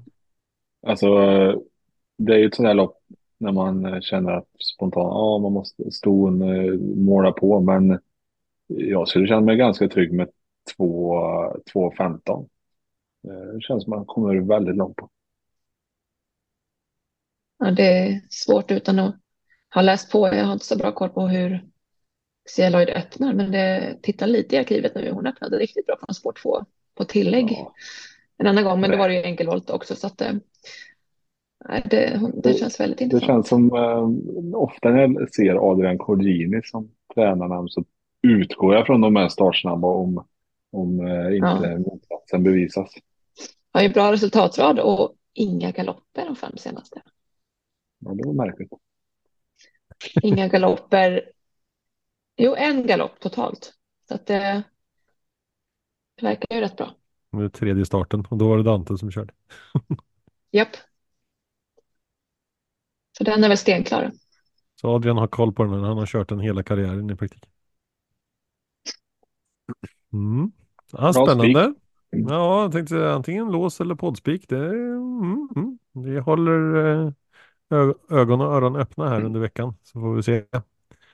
Mm. Um, annars så är det ett antal kompetenta hästar på tillägg, men de kan få det svårt som sagt var. Det är inte så långt heller. Det är 2140 De, har, de har inte så mycket för det tycker jag på den där proppen jämfört med vad de kan ha. Nej.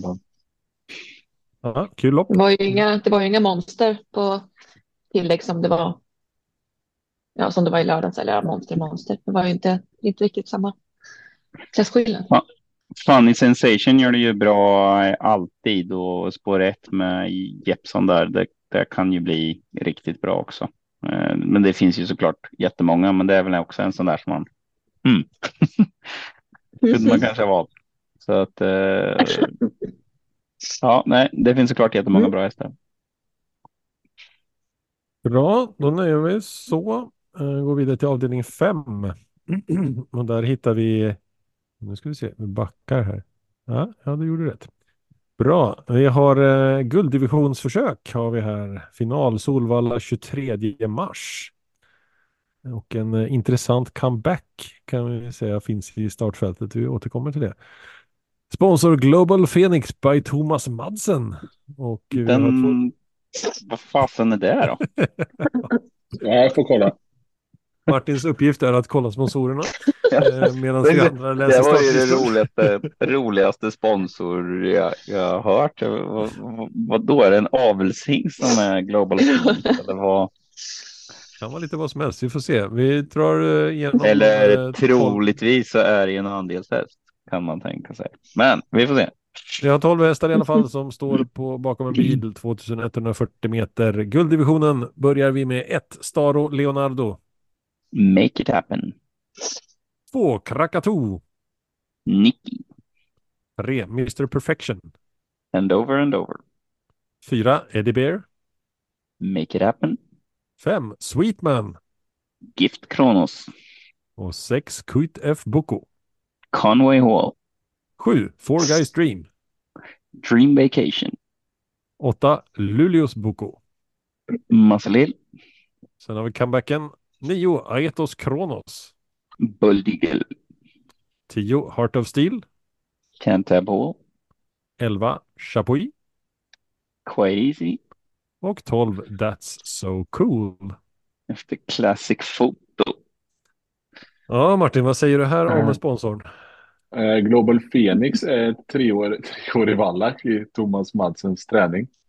Eh, äger gör Mikael Leif Jansson med flera. Okej. Jaha. Så de sponsrar då gulddivisionen. Det var kul. att- ironiska generationen som har talat här eller vad är det för någonting?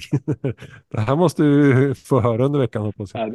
Det- här måste jag veta, det här måste jag vilja veta mer om. Men just att den heter, att det är Global Phoenix by Thomas Madsen, det är ju liksom, det låter ju mer som någon, ja, jag vet inte vad, någon kollektion av något slag. Ja, ja, det går inte att få några avkommor på alla fall. Nej. Ja, vi Jag får fick se. lite sån där eh, ångest när vi läste upp det, när man liksom bara, fan är det en topphäst och jag har missat det? Det är ju en avelshingst. Shit, Ja, efter Fabulous Wood. vad pinsamt. och vi som aldrig klipper något. Ja. Ja, då, då får du ta och välja din första häst istället Oskar. Aj då, aj då, aj då. Det var ju jobbigt. Eh, eh, vi kör väl. Nej, vi tar Aetos Kronos. Ja, nummer nio. Då kan man ju tänka sig att han har ju tjänat över 12 miljoner men han är faktiskt inte den häst som har tjänat mest per start i loppet. Fascinerande. Det är åtta Luleås Boko som har ännu mer per start. Det är lite coolt. Um, Är inte helt otippat tränad av Timo Numros. Nej. Vad säger Kim? Ehm, bra fråga. Först tänkte jag så här, ja men vem, vem tar spets då? Det vill- blir väl Sweet, men eh, gick ju rätt bra sist. Så, mm. Etos Kronos gick ändå 12 och 9 förra året så här års i skol. Bakspår. Fan, Luleås bok ser ju rätt rolig ut också. 24 000 startpoäng. 4 000 Han kommer. ja. Varför inte? eh, precis. Nej, men vi, vi, jag, jag säger Luleås Boko. Eh, lite, nej, kör på den. Vi går från 9 till 8 och då hoppar jag in på 7. Four Guys Dream. Eh, Fastnar lite för mitt. Det är svårt lopp men det får bli Martin. en sjua. Du har att välja på Kuit F. Boko eller Heart of Steel. Nej, alltså vilken, vilken bra guld. Vad glad jag blir. Det var jätte... Ja, vad. Jag tänkte nu kommer vi till någon trött guld här. Eh, här har vi det här exemplet Oskar med fyra Eddieberg. Är inte det en sån där häst som inte har växt i kläderna med pengarna? Han har inte tjänat något sedan 22 ungefär. Eh, Och är sex år. Mm, och då var han tvåa innan vunnit sedan Scott 22 Sära eller tror så. jag. Eller vann han innan Scott Sära? Han vann innan Scott Sära. Mm. Sweetman win, vinner ju typ alltid från ledningen men kanske inte mot den här. Och medeldistans här också. Mm. Nej, men jag och Chapuis gillar inte spetsar från spår 11. Eh, jag säger 8 Linus Boko. En åtta ja. Du och jag Martin, vi ska spela tillsammans på lördag. Ja, men det, alltså, om man har varit borta så där länge och sen kvalar på 15 och sen så går ut med inget lopp i kroppen och springer på 12 och 9 i december, då det känns ganska lovande. Ja. Frågan Det är varför han väljer att gå ut. Varför går Det han var ju ut Phoenix med en sån här häst nu? Varför går han ut med en sån här superhäst just den här årstiden och väljer att debutera nu? När han har varit borta så länge. Ja, bra fråga. Han måste ju ha krånglat en hel del. Jag vet inte riktigt vad det är för någon, någon skada eller vad det är han har, han har haft. Men eh, det är ju absolut. Om, Han hade ju eh, jättelångt brukar uppehåll mellan september 2021 till juni 2022 hade han ju också. Långt uppehåll. Men ändå en, två, tre, fyra, fem, sex, sju, åtta raka vinster. Innan de två senaste två andra platserna. Mm, derby två va? Mm. Ehm, Ingen, ingen minns en tvåa. Nej. Oskar minns en två. Mm. Vi eh, stänger gulddivisionen där. Det är en eh, rolig, eh, ett roligt utbud att titta på. Och går till V75 6 där vi har ett långdistanslopp 2640 meter och vi har voltstart. Nybro Vikings sponsrar, sponsrar Det här behöver jag bronsdivisionen. inte googla. Det behöver jag inte googla. Nej, då får vi köra. Kim, vad är Nybro Vikings för något? Hockey. Ja, bingo. Oh. Eh, Ingen aning, men eh, om Martin säger att han har koll då, då är det väl hockey. Det var tämligen otippade sponsorer de har fått ihop på Kalmar måste jag säga. Ja, vad kul Ja, men blandning. undrar jag, vad, Hockeylag vad, går in kostar, vad, kostar, sponsrar. vad kostar det att sponsra ett lopp? Jag blir sugen. Kanske? Få upp sitt namn. Jag hoppas inte jag behöver betala ut alla prispengar i alla fall. Nej du. Det är bara banans lokala eh, lilla pott där som Ja, de men då, då, spa- Det, det förekom ju Mitsubishi Motors betal, fanns, eller var det Palema som stod för transporten av jänkarna till Elitloppet eller något sånt där. Så det finns ju lite olika skalor på det hela. Jag tror jag har sponsrat ett ponnylopp med 500 spänn eller någonting. Det är lite olika. Ja, men Mm. Sjurättpodden sponsrar något eh, lopp på Mantorp. Där så kan vi stå där och dela ut några rosett, några rosett och grejer. Det får Jajamän. man ut. Men vi drar igång. Vi har då som sagt var 12 hästar voltstart. Bronsdivisionen inleder längst fram med ett Lucifer Boko. Efter EL Titan, Två Tears in Heaven. Quite Easy, Tre Conch On In. Make It Happen, Fyra Don Cash. Ready Cash, Fem Dr. Joe. Victor Joe, Springspår 6 Bold Nick. Bold Eagle, Och sju Icaros Di Quattro. Timo K, Där bakom har vi åtta Winner Brodde.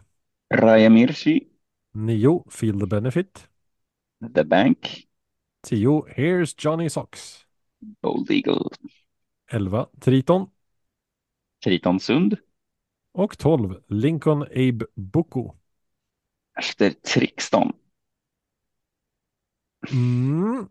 Här har vi alltså 12 hästar att välja på. Och vad då är frågan eh, Kim, vad väljer du som första spontana tanke? Ett roligt lopp. Är min första spontana tanke. Okej, men du får välja en spontan häst lite snabbt också. Jag ska bara eh, stala lite här, bara fördriva lite tid så att jag hinner tänka. Eh, De som har Ehm. högst poäng kan ju då säga. Det är, så här, ja, det, det är spår 2, spår 5, spår 8 och 10. Så det är liksom inte någon drömlottning för de som har mest poäng. alla Nej, men eh, det är ju Nej. så. Jag tycker det har varit så. Genom alla lopp så har väl de där lite betrodda Ja. haft spår 8 och, och så vidare. Även i guld Så var det lite Underförstådda spårtrappor. 7, 8, 9. Men det är verkligen så här, ska man ha en eh, lång skubbare ska man väl ha, ska man väl ta Bold Nick, han älskar väl långdistans, men vet fan. Uh, och sen är det ju volt också, ja.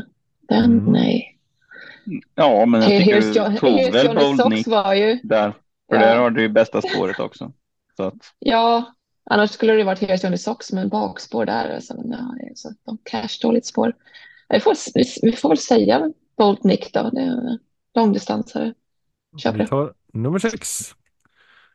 Vad säger eh, Martin? Ja, det fan. fanns ju jättemånga roliga jag måste välja. Så blev jag så jävla besviken när jag såg ett Lucifer Boko. För då måste jag ta han igen. Jag vet inte hur, hur, många, hur många gånger jag har kört nu tionde spontana spikrad i rad. Jag trodde det var vintervila nu.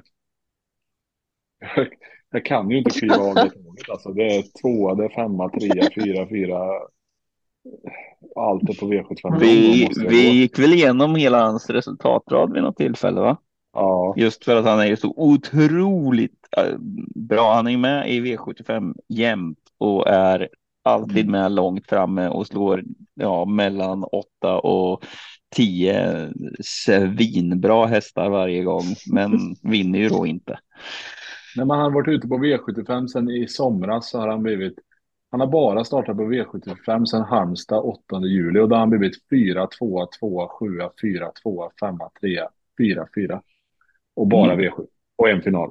Och jag har varit med och haft med han på varenda lapp. och, och jag måste fortsätta. Jag kan inte göra som Han har inte- av. Man kan ju inte säga att han har svikit direkt heller, för han gör det ju väldigt bra varenda gång. Hade jag spelat inte. så hade hade varit asbra.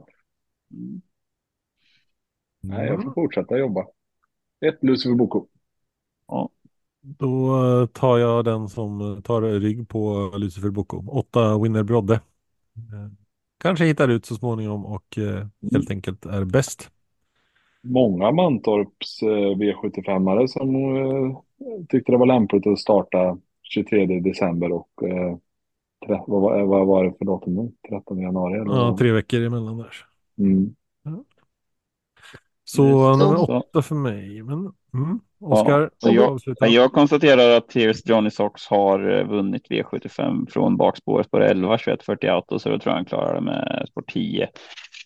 Eh, 2,6 volt tror jag passar alldeles utmärkt. Så 10 Mikael Tears. Johnny Sox. Mm. Ja, jag kan rapportera att jag pratade med Gunnarsson förut idag. Han var på väldigt bra humör efter att ha kört eh, hästarna. Eh, så att, eh, det var väl ett positivt jobb med Triton som alltid gör det bra. Mm. Kul att Winner Brodde bara har gått tre volt startlopp och det var de tre första i karriären. Sedan dess har han bara gått auto. Mm. Han har ju varit uppe i, ja tyvärr är det ju väldigt Som vi pratade om tidigare, ja, att du sa det. Ja. I, när de väl har gått till en viss klass, då får de inte starta i volt längre. Nej, men om man tjänar miljoner då får man inte volta längre. Men det får, liksom, är det mer än 100 000 i första pris, då måste det vara autostart. Det, så är det bara. Ja. Ingen vet Om inte, varför. det, om inte det är tillägg och volter. Det finns ju inte en rak volt bara. Nej, inte mer. Ja, det har förekommit i silverdivisionen. Det händer en gång per år eller någonting sånt där. Mm, nu är väl i alla Ja, fall i bronsdivisionen med volt. Alltid något. Ja, alltså det, det är ju ganska trevligt ändå att bara få ha ett, eh, ett vanligt utan tillägg volt. Alltså på V7. Det, det händer ju inte jätteofta faktiskt. Det ska, då är det ju tillägg om, om det är för det mesta. Det jag tycker är bra med tilläggslopp det är ju att man vet ju förutsättningen då som man har tillägg eller att man har tuffa hästar bakom sig. Men man får ju nästan alltid bra eller ett vettigt spår när man anmäler till voltstart med tillägg för att du har ju oftast framspår eller någonting sånt då. då. Mm. Skillnad från bilstart när det blir ja, 12 då är man ja, borta i princip. Men s- 1640 och Alltså, 2140 på, på V75 volt utan tillägg kan ju inte vara jättevanligt. Det känns som att det bara är, ja men nu ska vi springa långt, då kan ni få volta. 1640 kan man ju aldrig ha bara voltstart. Det är ju jättekonstigt.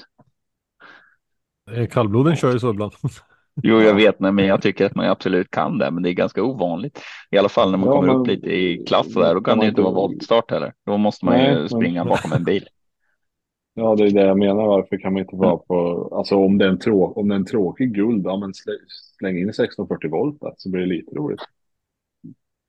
Bästa tycker jag, en hel V75-omgång, bara lång distans.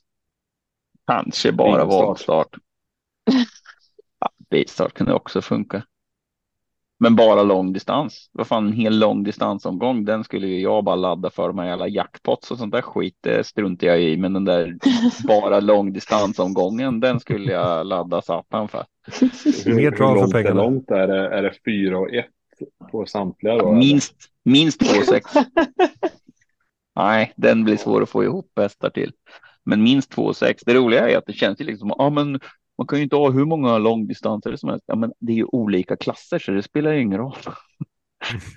Alltså det hade väl varit kul att ha en ren långdistansomgång och sen kan man ju lika gärna ha en 1640 omgång för det spelar ju ingen roll för det är ju klass 2 hästar och det är klass 1 hästar och så vidare.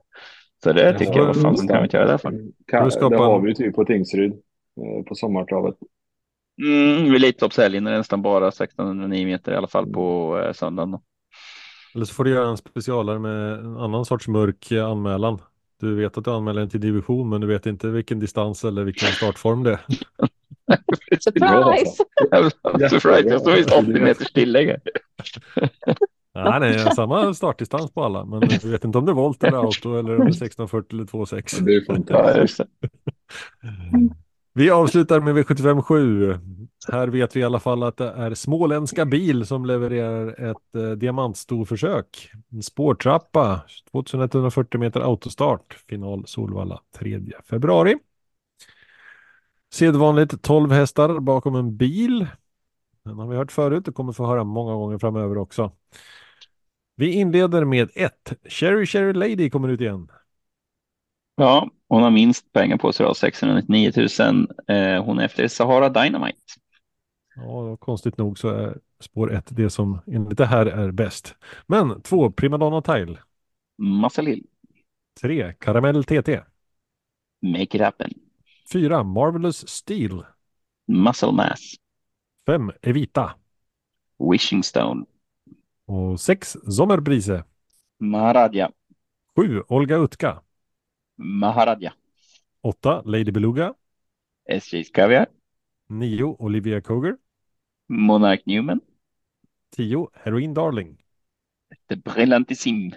11. Betting Pacer. Efter Maharaja. Och 12. Deborah SH. Också Maharaja. Många Maharajor här. Ehm, vad säger Martin om den avslutande avdelningen? Eh, att de säljer både Mercedes och Kia. Småländska bil. Det var en oväntad kombo. Ja, det var ju någon häst som hette BMW tidigare lopp här. Den skulle inte Mm. vara här alltså. Nej, eh, om vi, nu har vi rätt ut sponsorn. Eh, eh, jag, Det får vi säga att det är mestadels märsor eh, som man brukar säga om eh, fina märar i det här loppet. Mm, ja, en och annan Kia med.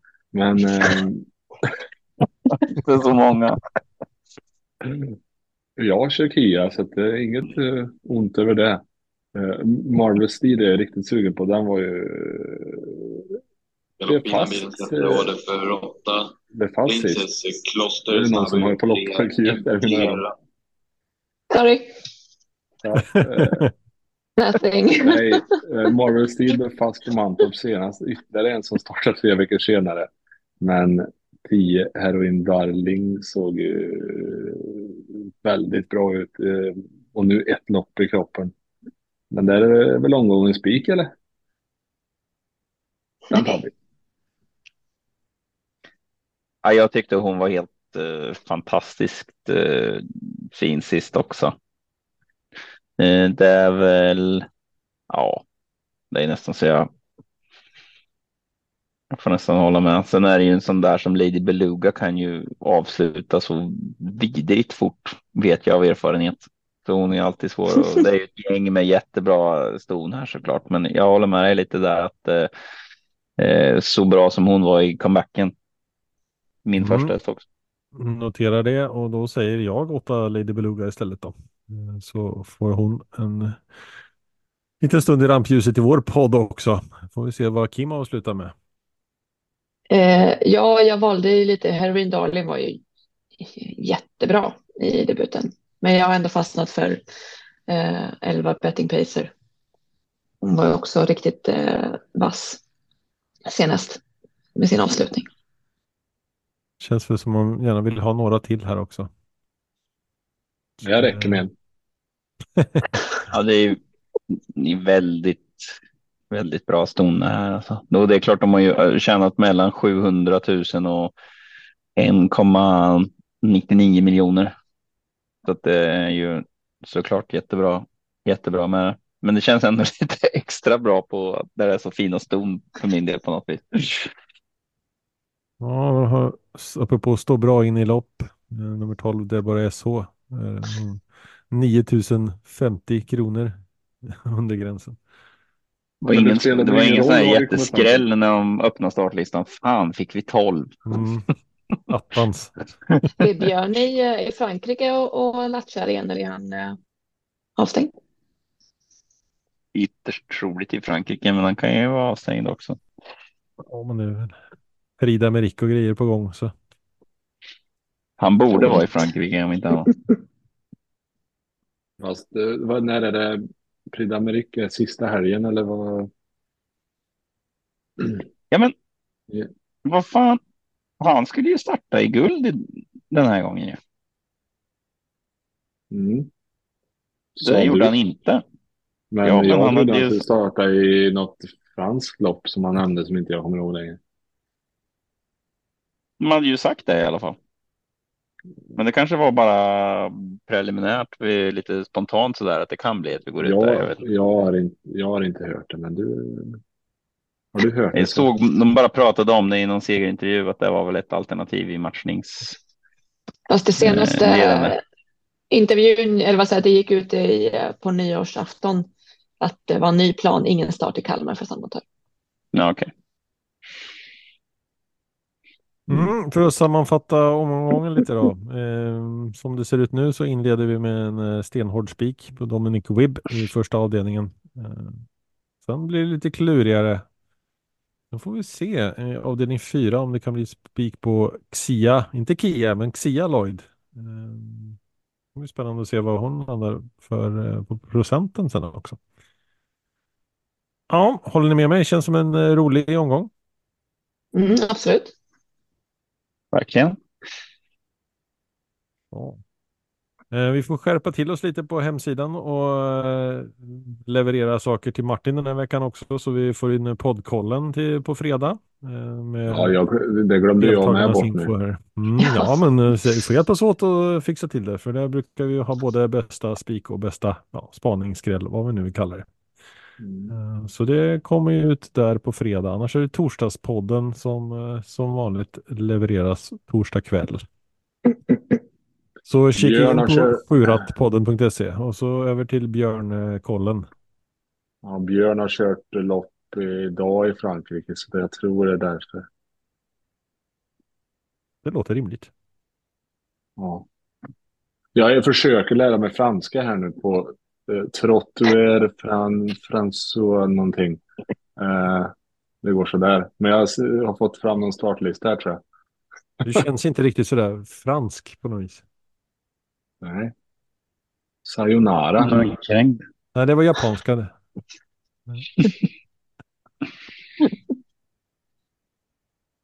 Ja, hörni, har ni något att tillägga innan vi avrundar?